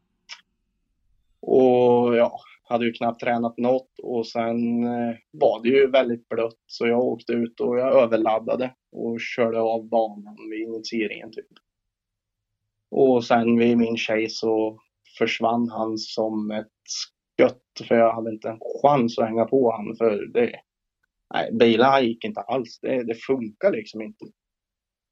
Så då, då var den säsongen över då. Då, då sa jag det att nu antingen så bygger vi en ny motor och kollar igenom allt eller så skiter vi och hålla på med det här. För nu är jag less på det. Mm. Vi eh, Hultsfred då, eh, eftersom du var kvaletta och åkte ut i topp 16 där så blev du nia i alla fall. Det var ju en, eh, ganska hygglig placering då. Det, Ja. det betalas ju alltid att kvala bra. Ja, det gör ju det. Eh, speciellt om man åker ut tidigt så räddar man ju lite grann i alla fall. Eh, 19 plats blev det totalt då i eh, Sundsvall. Ja. Eh, så 218 poäng och en elfte plats eh, första SM-säsongen. Ja, Eh, det var väl delad, det var väl några som låg på delade poäng där va? det kan så det varit. Ja, det var något sånt där i alla fall. Så, men i alla fall elfte plats. Ja, efter frustrationen la sig och resultatet kom så kände jag att fy fan vad vi har krigat och ändå kommit på elfte plats. Så då vart man ju ändå rätt glad. Och, ja, teamet liksom och alla samarbetspartner och att vi inte har gett upp och följare och alltihop. Så det, det slutade väl ändå jävligt bra och jag var väldigt nöjd med. Ja, Med men, tanke på problem. ja, med tanke på alla problem som sagt så måste du ju ändå liksom 11 i SM. Det är ju eh, och med 218 poäng. Du, du, du drog ju liksom in poäng i alla tävlingar i alla fall. Ja, och det ihop med tre motorras och bakaxlar och kopplingar och allt vad det var. Så nej, vi var helt nöjda. Eh, men luften tog ju slut. Liksom. Man orkade ju ingenting. Så då tog jag, jag sa att nu tar vi lite semester ifrån det här med bilåkande. Så planen var ju inte att köra någonting eh, i år då, utan bilen skulle stå var planen från början. Och han stod väl ända fram till ja, början på december orörd. Eh, men sen vet jag inte riktigt vad som hände, men jag var så jäkla sugen på att köra bil. Mm. Och jag var så sugen på att prova på något nytt. Och det, Nu har man hållit i åtta ventiler här i fyra säsonger, nej tre säsonger. Eller fyra, tre och en halv kanske då. Så nu, nu har jag brottats färdigt med dem där så nu vill jag prova på hur det är att åka en sexa. Mm. Så då började jag forska lite på vem är duktig på sexer och jag hade ju några bekanta som jag visste är riktigt vassa på de där maskinerna. Eh, så jag tog kontakt med Dennis Modig, heter han i Motala. Eh, han har också en 740 och han kör dragracing då. Och han är väl lite av, ja, Mulle Meck i T6. Han har skruvat nog extremt mycket och krämar ur jäkligt mycket effekt och får dem att hålla. Och, ja, jag kände att är det någon som ska bygga min motor så är det han då ihop med Peter som gör bearbetningen för de samarbetar ju också. Ja. Så det börjar väl egentligen resan och planerna med nybygget att ja, vi bygger en T6. Eh, och vi, det finns ju så många olika varianter på hur man bygger en T6 eller en 6 om man tar en sug från 960 hela motorn eller om man blandar topp och block eller om man kör ren T6 från nyare Volvo. Eller... Mm. Det var mycket diskussioner om hur vi skulle göra men han hade ju provat rätt många olika koncept och för mitt ändamål så tyckte han att vi, vi kör på en 3 liters sugtopp ifrån 960 Eh, och ihop med det så kör vi 99ans T6 eh, ifrån S80 och blandar ihop de två komponenterna.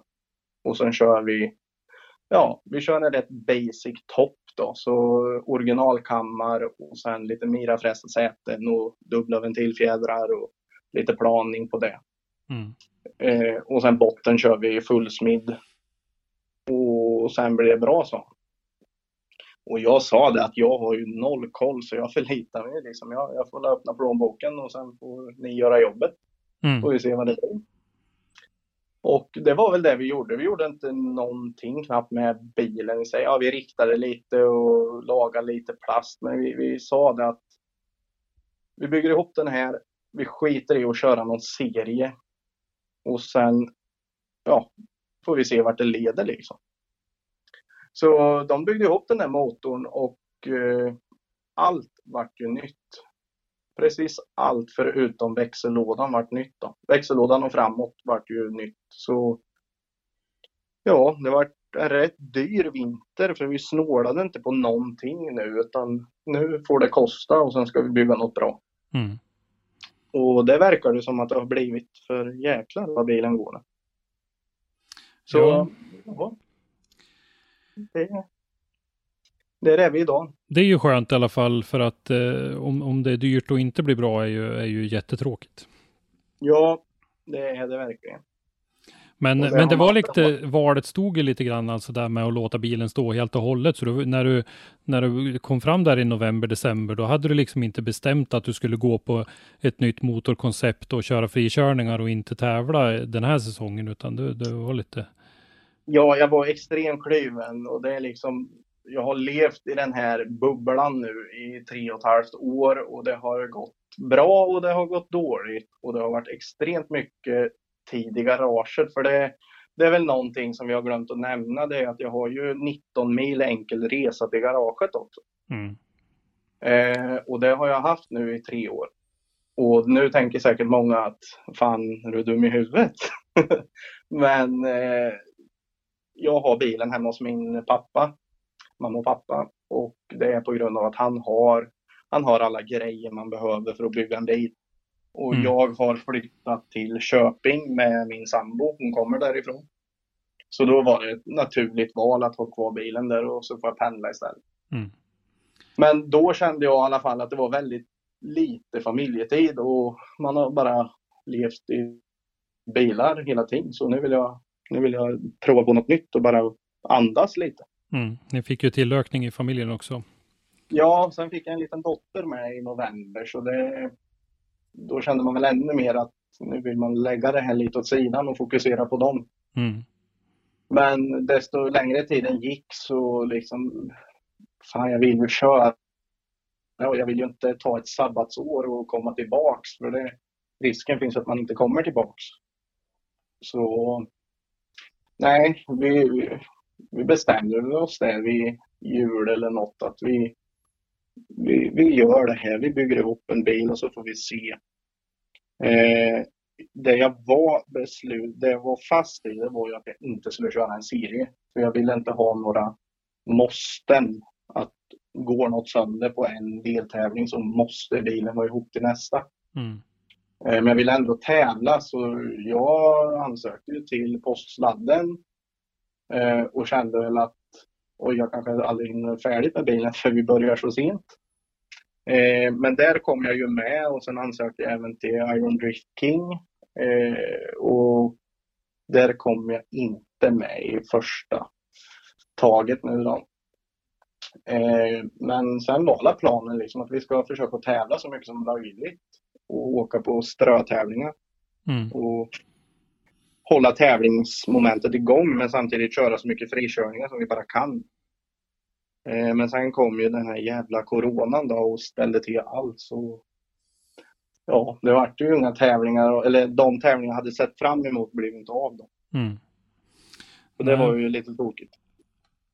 Men eh, du har varit iväg och mappa och sådär. Vi följer ju lite grann på, på Youtube. eh, På, eh, det är väl, eh, det var väl på Snoken Recordings kanal? Ja, va? precis. Mm. precis. Så han var, Brad var med när du mappade bilen bland annat. Ja, jag har haft ett litet samarbete med Brad här nu i tre år. Väl. Så han har ju varit min lilla följeslagare och filmat det mesta. Mm. Så han var ju även med där då och filmade när vi bromsade bilen. Och, ja, vi bromsade väl ur en 691 hjulhäst och 900 i vrid eller 899 eller vad det var. Mm. Eh, och det var ju ja, det var en jävligt skön känsla att man fick så pass mycket vrid och att han kommer igång så tidigt. Mm. För det var det vi byggde bilen för, att få mycket vrid. Och därför vi hade originalkammarna, för de, de, de ger mycket vrid eh, kontra eftermarknadsmar, eh, eftermarknadskammar. Eh, så ja, vi var och bromsade den och sen kände vi att vi ville prova bilen. Och då hörde faktiskt Pontus Furubring av sig och frågade om jag var sugen på att vara med och hyra Emmaboda flygplats eller flygfält. Just det, det var väl påskhelgen va? Ja, det var det. Och då sa vi det att vi hade ju planerat ändå att köra den här helgen så varför inte? Då åker vi ner dit och kör istället och provar och ser om det funkar. Så ja, vi åkte ner dit med tio, ja hur många var det? Tio bilar var vi tror jag. Eller, nej, sju kanske var, eller åtta eller något. Ja, Nej, det jag var vet inte riktigt, Ja, men det det- var någonting i storleksordningen strax under 10 där. Ja. Mm. Ja, det var inte så många i alla fall och det var ju Ja, det var ju Furbring och jag och Hartman och så var det ja, några Ahlstedt och några grabbar då så vi Ja, jag åkte ut och provade bilen och kände väl direkt att fan, vad är det här? Vad har jag hållit på med alla år med en åtta ventilare? Mm. Det var liksom min första tanke efter första varvet liksom. Helvete vad lätt det är att köra bil om man har lite maskin också. Så nej, vi bytte däck och körde hela dagen problemfritt och ja. Jag har nog aldrig varit så glad bakom ratten tror jag som jag var den dagen liksom för det. Nej, det gick bra gjorde det och jag sa det efter dagen att jag vet inte vad jag har hållit på med alla säsonger och varför man har hållit kvar i ja, åtta ventilar träsket liksom. För det, det, det var en ny värld som öppnades. Det känns som man hade hållit på och brottats med en bil i alla år och nu bara flyter det med. Jo, men det är ju lätt till att det blir så där inarbetade kanaler, partners som kan grejer, liksom du vet Ja. vad det är för prylar, kan riva en sån där i ett kolsvart rum och så vidare. Så det är ju ganska lätt till att man fortsätter med det man har börjat med. Ja, grejen var att det, från början var det en samarbetspartner 2018 som gick in som ville att jag skulle åka en B230 då. Mm. Eh, och därav så började det då att jag hängde kvar i det. Sen är Men- min, min alldeles egna tolkning också, de här namnen du har på taket, tror ju jag en del av dem kommer just ifrån det där B230. Det, är ju de här Volvo-fantasterna, en del av dem i alla fall. Och, och, och lite det här, lite underdog-grejen sådär att här, här Jo. kämpar vi på med en 740 med en B230. Jo, det var ju lite det och det har jag väl förstått med liksom att man har ju man har ju ändå byggt upp sitt namn att man är galningen som åker med en liten åttaventilare på en ändå rätt hög nivå. Och att man inte ger sig och man, man följer inte strömmen utan man går sin egna väg lite. Mm. Så det, det är väl lite, det har ju varit roligt, det har det ju varit, men eh, nu med, när jag åker sexan och det går så bra, då kan jag ju inte förstå varför. För det, det är så jäkla roligt att åka bil när det bara rullar på. Mm. Ja, men det förstår jag. Eh, Ja. Sen blev det väl lite frikörning eh, norrut också då, för då var du väl till Hamre? Ja, då var det dags att åka till Dalarna. Eh, Jocke Andersson, eller Moa Svarf, hon skrev till mig och frågade om jag var sugen på att åka. Hon skrev typ på tisdagen och det här var ju körningen på lördag. Mm. Så det har varit lite stressigt, men det var ju väldigt stora namn som skulle dit och det var ju bara ja, tävlingsfolk. Både i Europa och SM och GDS och ja, det var ju bara stora namn liksom. Så då kände jag att det här måste jag ändå åka på för att träna på Twin. För det är det någonting som jag vill göra så är det ju att bli bättre nu. Mm. Eh, så vi packade ihop och åkte upp dit och samma sak där liksom. Bilen problemfri gick hela dagen. Och, eller problemfri var han väl inte. Han, eh, eh, det var något galet som började hända så det kändes som att ja, en drivaxel gick av. Men det hände bara lite då och då. Eh, Men det var väl ingenting som störde mig jättemycket. Jag var ju och touchade muren lite grann och så här. Överlag så gick ju bilen skitbra och vi körde, vi körde så mycket som vi kunde och ja, det var jäkligt nyttigt. Mycket tand eller twin och nej, det var skitkul. Mm. Bra träningsdag. Eh, och sen var det dags att åka och köra lite bil igen då på Hultsfred som var nu i helgen. Just det. Ja. Eh, jag hade väl inte riktigt planerat att åka ner dit, men eh, sen så pratade jag väl lite med Lord och han tyckte att jag skulle komma ner. Så ja, jag ringde till Marcus Iveskog, 59 där och frågade om han hade lite däck hemma och fixade det. Och sen åkte vi ner dit och körde bil. Och det var ju också samma sak där. Bilen, motorn gick ju som bara den och körningen, den, ja jag vet inte vad som hände men det känns så jäkla bra. Det, det bara flyter på och det känns så lätt och ja, det är kul. Mm. Kul att åka bil. Ja, det förstår jag när det har varit så mycket problem förut och, och kunna fokusera och koncentrera sig på eh, och utvecklas själv som förare. Ja, det känns som att det här motorbytet liksom jag har gjort nu, att det har har gjort ett jäkla kliv framåt i min riktning om man säger så som förare. Mm. För Tror, nu, nu, tror, men tror du då att det beror på att du kan lita på att grejerna håller bara? Eh, Inte behöver vara orolig och varva för mycket och paja motorn sådär. Eller tror du att karaktären på den här motorn passar dig bättre och din körstil bättre? jag tror karaktären har mycket att spela in, men sen är det också att jag kan lita mer på grejerna. Att, ja, men exempelvis som på Hultsfred här nu. Initieringen där, den, den är väldigt, väldigt aggressiv och man, ja, det är hårda murar och det är mycket fart och mycket vinkel som gäller. Mm.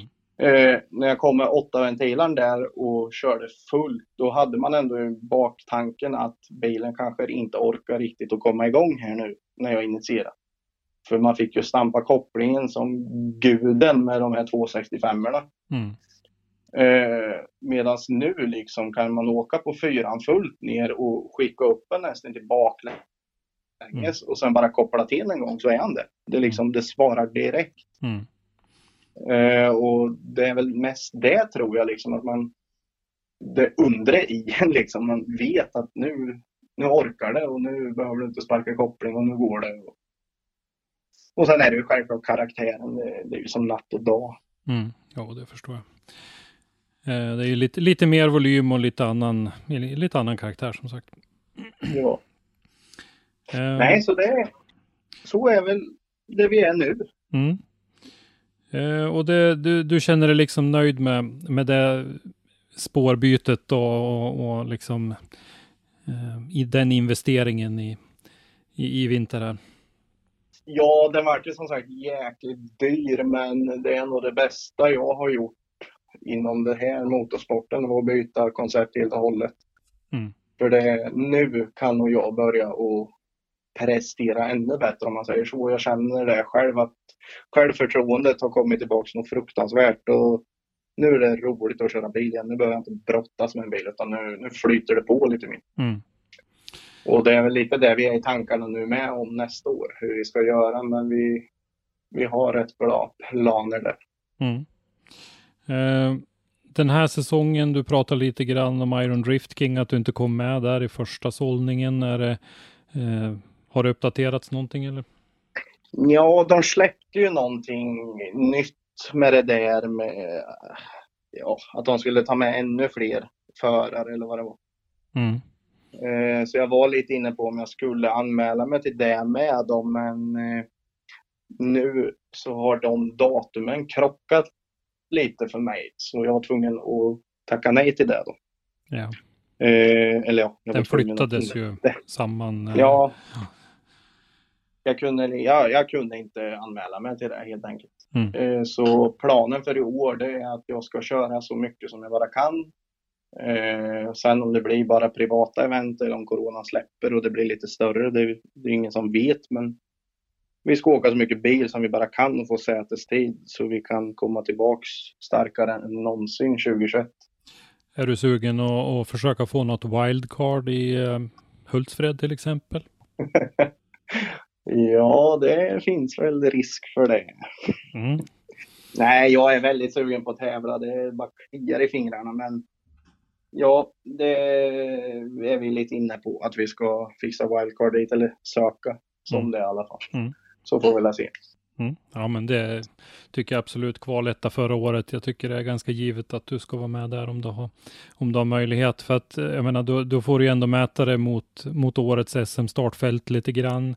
Men ändå utan att känna den här pressen och, och köra hela serien och det här som du ville komma undan i år då. Ja, precis. Nej, men det, det ska jag väl försöka med att åka lite där nere. Så man blir, blir lite varm i tävlingskläderna igen då. Mm. Ja, eh, om vi kikar lite grann på teamet då innan vi går in på frågorna här så vilka är det som eh, ingår i, i teamet i, i, som det är sammansatt idag? Ja, man kan väl börja med personen som har gjort det här möjligt för mig. Och det är ju min pappa Peter. Eh, han eh, är, ja, han är allt typ. Huvudmekaniker och sponsor och ja, rubb och stubb. Mm. Det, utan han så hade det här aldrig funkat. Jag hade aldrig jag hade nog aldrig hållit på med drifting överhuvudtaget om det inte hade varit för han. För han är den som är ute och skruvar och grejar och kommer med idéer. Och han är en liten mullemäckare. Han löser det mesta om man säger så. Mm. Och ställer upp. Och han tycker det är minst lika kul som jag tycker. Så ja, det är ju pappa där då. Och sen är det ju även eh, min sambo är ju med som en Ja, hon är lite allt i allo, stöttepelare, hjälper till med mat och ja, finns där. Mm. Eh, sen är det sambons ena bror, Niklas Pettersson. Han är eh, ansvarig för att dra runt på ekipaget. Jag kör så pass mycket bil som det är så man orkar inte köra allt hela tiden. Eh, så han gör det och håller koll på däck och byter det och ja, finns till hand om det behövs. Eh, spotter är lite oklart just nu för jag har haft lite bekymmer med spotterdelen. Jag har haft några olika. Så den frågan kan jag lämna osvarad. Mm. Men sen är det även, ja, mamma är ju med och lagar mat och ordnar och fixar med allt. Eh, så det är väl de personerna som är med oftast, eller nästan jämt kan man väl säga. Men sen är det ju även lite andra människor med ibland också. Då. Sambosar och Mm. släktingar. Och, Ja. Eh, spotter här då, hur går tanken där? Du behöver inte alls nämna någon namn i hur tankarna går så att säga, men, men, men vad siktar du in det på liksom? Är det, är det huvudsaken att du har någon? Vill du ha någon du känner? Eller är det, ska det vara någon som är rutinerad som förare? Eller hur, hur, hur tänker du när du ska försöka att att hitta någon? Här? Jag kan väl säga så här att Daniel Ahlstedt är ett väldigt bra exemplar för mig. Han skulle jag vilja ha. Eh, För han är en person som har väldigt mycket tid bakom ratten. Han vet vad han pratar om. Eh, och han är sträng på ett snällt sätt om man säger så. Han, han säger att nu, nu gör du så här, punkt slut. Och sen får man lyda det liksom. Mm. Eh, han, för min del så är han också jävligt bra för han är ju en Volvo-raggare som en annan. Så han har ju rätt mycket timmar i en Volvo. Mm. Eh, så ja. En sån person är något jag söker och något jag kommer att fixa till 2021 om man säger så. Mm. Sen vem det blir, det, det är oklart. Det vet jag inte nu men det är liksom en person som kan ta tag i mig och både lugna mig och säga vad jag ska göra och ändå hjälpa till på alla sätt och vis. Mm. Det, det är bra. Nej, men vi, vi har ju pratat många gånger om det här i, i olika forum, att uh, spotten har en otroligt viktig roll och, och det här att den gärna ska ha en hel del rutin själv och så här att det finns en risk att man som som förare har med sig en kompis som, som växer upp tillsammans med en, eller vad man ska säga, inom driftingen och att man, man lär sig att se saker på samma sätt från samma håll och så där, så att man, man är överens om att det går inte att göra saker på annat sätt än, än, Ja, än på det precis. sättet man alltid har gjort. Och, så, och så kliver en sån här då till exempel som Ahlstedt in och, och, och vet att det går att göra på annat sätt och så där. Så det, det, jag tror att det är, det är en jätteviktig position, helt klart. Ja, och det var ju bara det här med att han, han öppnade upp nya tankesätt för en annan med när han kör, eller när han körde spotterdelen åt mig och hur man ska tänka och ja, att man ska hitta delmål på en sträcka att sikta in sig på och hur bilen ska vara riktad mot det, det målet och ja, det var massa grejer liksom som gjorde att fan vad bra det gick. Mm. Det, är jävligt viktigt. Spotter är bra. Ja, det har vi ju sett eh, lite exempel på förut också. Jag tyckte ju till exempel att en sån eh, duktig förare som Pavel Korpolinski tog ytterligare ett Ja. steg framåt när han började samarbeta med Morgan Göransson. Deras Ja. samarbete verkar ju funka jättefint och vi har ju sett eh, bröderna Joensuu har satsat mycket på, på spotterdelen också så där så att vi, vi har ju sett att eh, framgångsrika förare har genomtänkt eh, satsning på, på spotterbiten. Jo, men det, så är det ju. Man som förare, man ser ju inte riktigt själv hur man kör, utan man känner ju mest hur man kör. Mm. Det är jävligt viktigt att ha några kunskapsögon som kollar med. Mm. Nej, så det är bra. Mm. Vad heter det, ska vi ta och svänga över på lite frågor kanske? Jo, men det kan vi göra. Jag slängde ju ut en eh, fråga på Driftzones eh, Facebook-sida igår att eh, man kunde ställa frågor till dig och som av en ren slump då så är det ju faktiskt spotten Daniel Ahlstedt som har skrivit den första. Varför kör du så hög Volvo för? Ja. Den då? nej, jag, jag gjorde en liten, ja, nej, jag vet inte vad jag ska säga. Jag, jag är ingen kille som gillar låga bilar och det ska skrapa och hålla på. Det, det är inte riktigt jag. Nej. Det, så länge det går att köra och det ser något och något okej ut så är det bra. Mm. Eh, sen så gjorde väl jag kanske själv en liten tabbe när jag satte på de, de här Rocket Bunny-breddarna jag har. Att jag kanske mätte lite fel så det sitter lite högre än vad, vad det ska göra. Så bilen ser ju högre ut än vad han faktiskt är. Mhm. Så Då är det nog det han är ute och far efter. Ja, det kan vara så. Eh, hur kommer det sig att du nu kör som om det vore sista gången trots att vi kom överens om att du skulle det redan förra året? Ja, nej, men det är väl att som vi pratar om med motorn att jag, jag kan lita på grejerna och att eh, ja, det bara går. Mm. Det känns, ja, jag vet inte, det, det känns som jag växer liksom för varje repa jag kör, varje uppsättning däck växer jag som förare och hittar nya grejer och knep. Och det, bara, det bara går. Mm. Och sen är det ju det att man, jag har väl tagit med mig alla tips och tricks som Daniel har gett mig och fokuserat på det. Och det har gett väldigt mycket resultat faktiskt. Mm. Ja, Det- tittar man på Battles då så fick du ganska lite körning med Daniel som spotter. Ja, det fick jag. Du hade ju en, en One More Time där då i, i topp 16 mot Fredrik Persson på Hultsfred och sen hade du en, en, em, en battle mot Pontus Näslund i Sundsvall. Ja, så det... Nej, jag hoppas det blir fler, fler faktiskt där med Ahlstedt i öronen. Mm. Så det, vi får la se. Eh, Du har inte bara skjutsat eh, sambon ser jag, utan Kristoffer Holm säger så här. Hur känns det att ha fått tillbaka körglädjen till ungefär 110 procent? Då vad jag såg och upplevde från passagerarstolen i lördags på Hultsfred Drift Track så kör du med det största förtroende till din bil som jag sett på länge. Ja. Mm. Hur känns det att ha fått tillbaka körglädjen var väl frågan. Är det. Ja, det är ju fantastiskt. Det är ju därför jag håller på med det här. Det är därför alla håller på med det här. och För att det är så jävla roligt att köra glädje. Mm. Och nu är ju den högre än vad den någonsin har varit. Så det, nej, det är skitkul. Eh, sätta Kristoffer Holm i, i högersitsen känner jag, det gör man ju inte utan baktanke.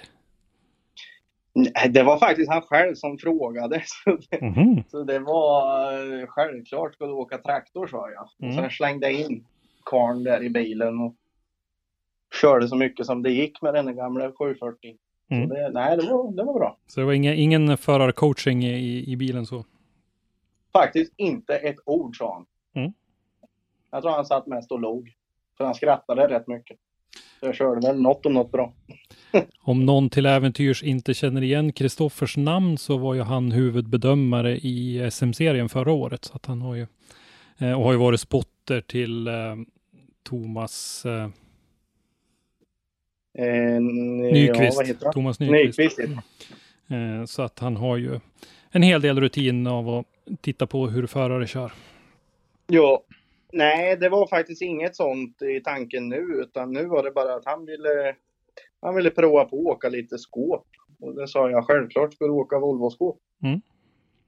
Och så var det. Han var väl där nere för att hjälpa en annan kille som jag inte riktigt kommer ihåg nu. Han ska köra RM i år. Eh, har en eh, orange E36, Filip heter han. Mm, okej. Han var där nere och hjälpte honom lite. Då. Så det, det var väl, nej, det var kul. Eh, återigen grymt rattat avsluta Kristoffer där. Eh, Rasmus Larsson frågar, vad är målet med bakvagnen? Fått på andra coils så han sätter sig bättre.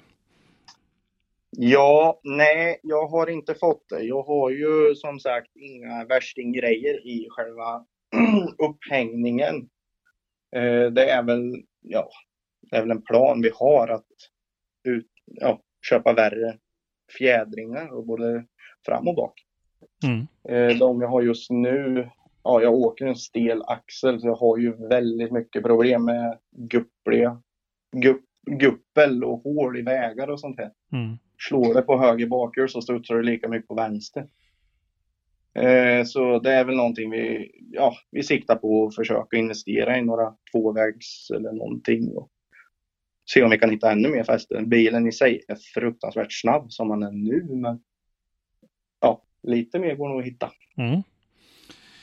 Eh, Marcus Siverskog, eh, 59 North Wheels eh, nämnde du nyss också. Blir det någon seriekörning 2021?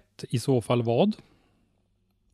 Ja, vi kommer att försöka så mycket vi kan på att eh, köra SM. För jag vill, jag vill visa en säsong. Ja, jag vill visa vad jag kan göra. Liksom. Mm. Eh, och nu känns det som att nu har vi ett bra koncept så det ska vi bygga vidare på nu i sommar och ta fram någonting som funkar och hitta svagheter och reservdelar så vi kan komma tillbaks starkare än någonsin 2021 och visa var skåpet ska stå. Om man säger så. Mm. En, en vettig utgångspunkt. Marcus eh, är ju även intresserad av däck och säljer däck, så han frågar största skillnaden att kliva över till R-däck mot gatdäck? Ja, det var ju som jag sa på Hultsfred. Jag, jag köper ju däcken ifrån Marcus. Mm. Eh, jag åker, det finns ju så jäkla mycket olika däck. Men jag åker på Secnova. Och jag köpte Secnova inför 2019. Men med, med alla problem jag hade så orkade jag liksom inte bilen. Så jag fick ju åka på Haida gatdäck.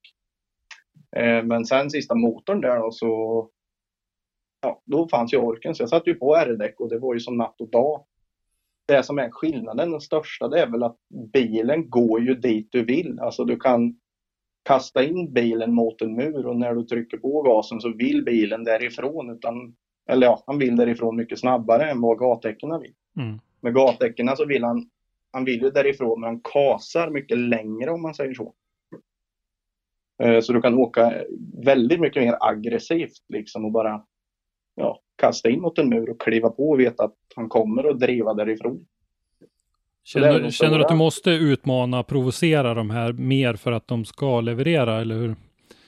Ja, man måste ju vara mycket aggressivare. Mm. Eh, du kan ju inte åka och glida som du kan göra på gatdäck utan det är ju ja, du måste vara, köra med lite aggressivitet. Liksom. Och det, det tycker jag är skitkul. För det, ja, det driver på liksom. Och sen, ja, så Knovan i sig tycker jag är fruktansvärt bra. Både hållbarheten och rökutveckling och fäste. Det Mm. är ett riktigt fint däck. Mm. Ja. Vi fortsätter. Niklas Pettersson, vilken är bästa banan att lära, lära sig köra drifting på enligt dig? Ja, det där, jag såg den här frågan och det, jag vet faktiskt inte. Eh, jag skulle väl säga någon mindre bana som ändå är lite teknisk, typ Hultsfred eller Gröndal eller Malmby eller det viktigaste är väl sätestiden och inte vilken bana det är. Men Mm. Jag började ju på en liten bana. Och då jag började på Hultsfred och sen gick jag till Gröndal. Eh, och körde så mycket som jag kunde och jag tror grejen är nog inte vilken bana utan det är nog vilken mycket sätestid du får i bilen. Liksom. Det, men skulle jag säga något så är det en liten teknisk bana där det inte går i 200 direkt utan det är lite lagom hastighet och lite murar kanske och Mm. lite sådär så man ändå får känna på hur det är. Mm. Eh, bra svar. Blir det någon utlandskörning för dig 2021-22 eller blir det bara körningar i Sverige? Nu har vi hela två säsonger framåt här. Ja, nu är han snabbare här. Niklas det är ju han som är med i teamet. Mm. Eh, men ja, vi ska väl försöka åka lite utomlands nästa år. Eh, sen vad det blir, det vet jag inte, men jag vill, jag vill prova på liksom och åka utanför Sveriges gränser och se hur, hur det är där och hur det fungerar där. Lite nya förare och nya namn. Och... Mm. Men jag kommer ändå hålla mig till Sverige mestadels då, men någon enstaka tävling utomlands vill jag ju göra. Mm. Hur blir man chef som dig inom drifting? Han, då är han ju van att ha dig som chef också. Nej, det är bara att köra bil. Mm. Det, sitt, sitt så mycket du kan i stolen och även om du får motgångar så ge aldrig upp utan kriga dig igenom för någon gång vänder det liksom. Mm. Så sätestid och inte ge upp så, så blir det bra. Eh, Torolf Snellman, eh, vad har du för prylar i bottendelen på T6an och har ni gjort något för att förhindra att cylindrarna ska spricka? Ja, det där är också en eh, fråga som många har ställt mig. Eh, I bottendelen så är han ju, ja vi åker med några varianter av partnerstakar med VCK-kolvar och HV-bult. Eh, just om vi har gjort någonting emot cylinderväggarna så har vi inte gjort det. Eh, många säger att de håller inte, att T6 bara spricker och det går sönder och så här. Och jag ska vara ärlig och säga, jag har ingen aning för jag kan inte de här maskinerna. Men jag förlitar mig då på Dennis som har byggt den och han har kört i så många år.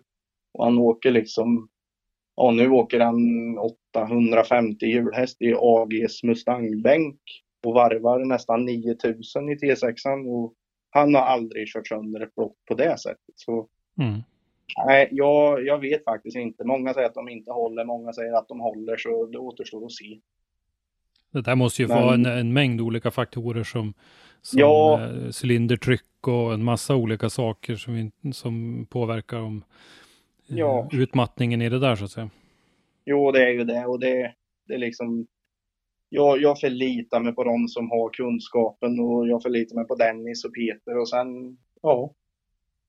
Jag kan inte göra så mycket mer för jag, jag, jag har inte kunskapen själv om man säger så. Nej. Så det... Just nu går bilen fruktansvärt bra, allt ser jättefint ut och ja, vi får se hur länge det går. Mm. Och sen hade vi Ragnar Cederberg hade sista frågan här. Eh, vad har hänt med maskin? Du kör ju som en chef. Ja, det sitter väl ett fint aggregat därifrån turbosystem kanske. Ja. ja det var ju en nej. fråga till också. Jag hade ju missat en fråga också. Ser jag nu. Ja.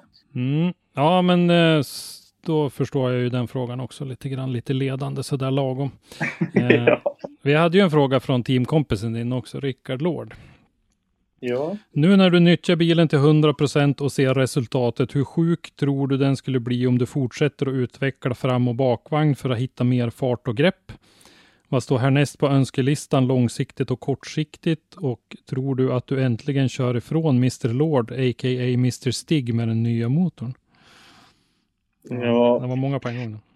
Ja, det var, nej, Lord han eh, pratade rätt mycket med mig i helgen och han sa det att jag har fruktansvärt mycket grepp. Eh, han förstår inte själv hur, hur, hur det går till liksom, för jag har inga värstinggrejer i bakvagnen. Mm. Eh, och jag vet faktiskt inte själv heller vart farten kommer ifrån, men någonting har vi byggt rätt så att det, det finns fart i det. Grejen med hur sjuk jag tror bilen blir om jag lägger mer tid på det, ja, jag vet faktiskt inte för ja, jag tycker han är rätt snabb och bra nu så jag vågar inte riktigt tänka på om man får på riktiga fina grejer hur han blir då. Det här med långsiktigt och kortsiktigt, ja, vi ska ju försöka att hitta några fina dämpare och byta ut dem. Mm. Eh, förhoppningsvis hitta lite mer fäste om man behöver. Eh, men samtidigt få en mjukare bil för nu är han rätt så studsig när det är lite Ja, när asfalten inte är helt plan så blir han inte så rolig att köra och det är det som är sjukt med att även om bilen studsar som en studsboll så går han lika fort för det. Mm. Eh, så ja, det är väl det vi ska försöka att hitta och det långsiktiga, ja, jag vet inte hur mycket man ska säga här, men det är väl kanske en ny kaross. Eh, men det får vi väl se. Men det är väl lite av det långsiktiga. Man, man vill ju göra det, men det blir ju fruktansvärt mycket jobb. Mm. För vad jag vet så finns det ingen sån kaross än i drifting. Nej, okej. Okay. Men det är en Volvo i alla fall. Ja, ja spännande. Ja. Uh, jag förstår ju lite de tankarna också. 745 är ju, det är ju en ganska stor bil ändå. Ja, han är, ja, stor är han väl, men han har varit med om mycket. Bilen i sig gick ju på strippen i tre år innan jag tog över den och ja, han börjar väl att mjukna lite om man säger så. Mm plåten, ja vi har ju bytt bakpartiet, det har vi gjort, men karossen över sig, han, han är ju inte färdig, det är han ju inte, men ska man växa ännu mer och klättra till större serier och satsa så, så börjar man väl kanske vara lite färdig, karossen då. Mm. Ja, men det, det låter ju som spännande, men det, det blir något år i framtiden det i alla fall. Som, som du ser målet nu då, så är det i alla fall att köra med, med 745 i SM nästa år. Det är liksom den grova planen för, för den närmaste framtiden. Ja, det är det. Jag vill ta det där Volvo-skåpet på en pallplats innan jag byter ut den och det är det vi har i siktet. Mm. Sen ska vi börja fundera på nya grejer. Ja, Eh, jag tycker att vi har fått en, en rejäl genomgång om eh, lite vem du är och var du kommer ifrån och eh, lite hur du kom fram dit du är nu. Och eh, det har varit intressant att höra. Eh, jag kände till en del av det redan sedan förut som har haft eh, chansen att prata med dig några gånger tidigare. Jag tror att det är många av våra lyssnare som kommer att uppskatta och få höra om det. Så att, eh, Ja, man har inte varit med så länge i driftingvärlden, men man har ändå hunnit med rätt mycket tycker jag. Mm. Ja, men det är lite som jag sa från början. Det, två tävlingssäsonger känns inte rätt. Alltså det känns som du har varit med längre än så i, i hetluften här. Men det... Ja, nej man har ju försökt liksom. Alltså, det vinnande konceptet är väl sätestiden och det är ju det jag har försökt med. Liksom, köra så mycket som man kan och synas överallt. Och, ja, jag vet inte, det, det ger väl resultat. Ja, Gör det gör ju det. Så det, nej, det är kul. Jag glömde bort det och säga med det här med teamet som vi var inne på. Ja, det är ju min del av teamet, men sen är det ju, jag är ju med i full Throttle Kings. Så vi är ju rätt så många, men det var ju min del av teamet som jag nämnde det. Ja, absolut. Men naturligtvis. Eh, Ja. Men eh, jag tänkte att vi skulle kosta på oss också att eh, vi kan ju faktiskt tipsa om att ni har ju varit med i en eh, podd tidigare. Ja, det har vi I, varit. i en, eh, det hette väl Onroders eh, då va, men det var med Henrik Ryberg. Ja, precis, det var det. Och eh, ja, den finns väl under Onroders tror jag. Ja, jag tror Det var- det också. Jag sökte rätt på den nu, så jag tror att den finns under Onroders. Eh, eh, det kan tänkas att den även finns under Henriks eh, nya namn, eh, Speed Circus Podcast heter den va? Ja, precis. Det var det jag funderade på, vart han låg. Men Mm. jag för mig han ligger under Onroders. Ja, precis. Så kan man höra dig, Rickard Lord och eh, Rasmus Blom Jajamän. Yes. snacka alla tre. Om man vill höra mer om, om eh, dina teamkompisar och sådär. Ja, den är väldigt intressant med för Lord han är ju extremt duktig och kunnig och går in på detaljer. Så det är väldigt mycket detaljprat i den podden. Mm. Ja, jag har lyssnat på den. Jag tyckte den var jättebra. Den är i två delar dessutom. Eh, Ja. Så den var ganska lång, men intressant. Ja. Men eh, Kevin, då tycker jag att då säger vi ett jättetack från eh, Driftpodden att du tog dig tid att vara med och eh, hoppas att vi ses någonting under sommaren. Ja, tusen tack för att jag fick vara med. Och även ett stort tack till alla mina samarbetspartner och teammedlemmar och mina följare för allt de gör för mig. Mm. Så syns vi i sommar. Tack för att du har lyssnat. Lyssna gärna på våra tidigare avsnitt och glöm inte att ge oss betyg i din podcast-app eller på podchaser.com. Besök oss på www.driftson.se eller i sociala medier för dagliga nyheter. Vi heter Driftson på de flesta plattformar. Har du ett ämne eller en gäst som du vill att vi tar med i Driftpodden så skicka oss ett meddelande på våra sociala medier eller skicka ett mejl till oss på driftpodden gmail.com. I avsnittet idag har du hört Kevin Brunberg Programledare var Christer Hägglund.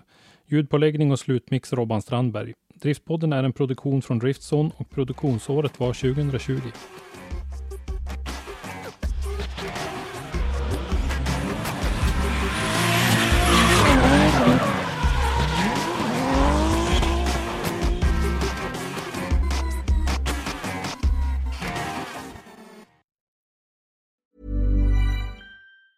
Planning for your next trip? Elevate your travel style with Quince. Quince has all the jet setting essentials you'll want for your next getaway, like European linen, premium luggage options, buttery soft Italian leather bags, and so much more. And is all priced at 50 to 80% less than similar brands. Plus, Quince only works with factories that use safe and ethical manufacturing practices. Pack your bags with high-quality essentials you'll be wearing for vacations to come with Quince. Go to quince.com slash pack for free shipping and 365-day returns.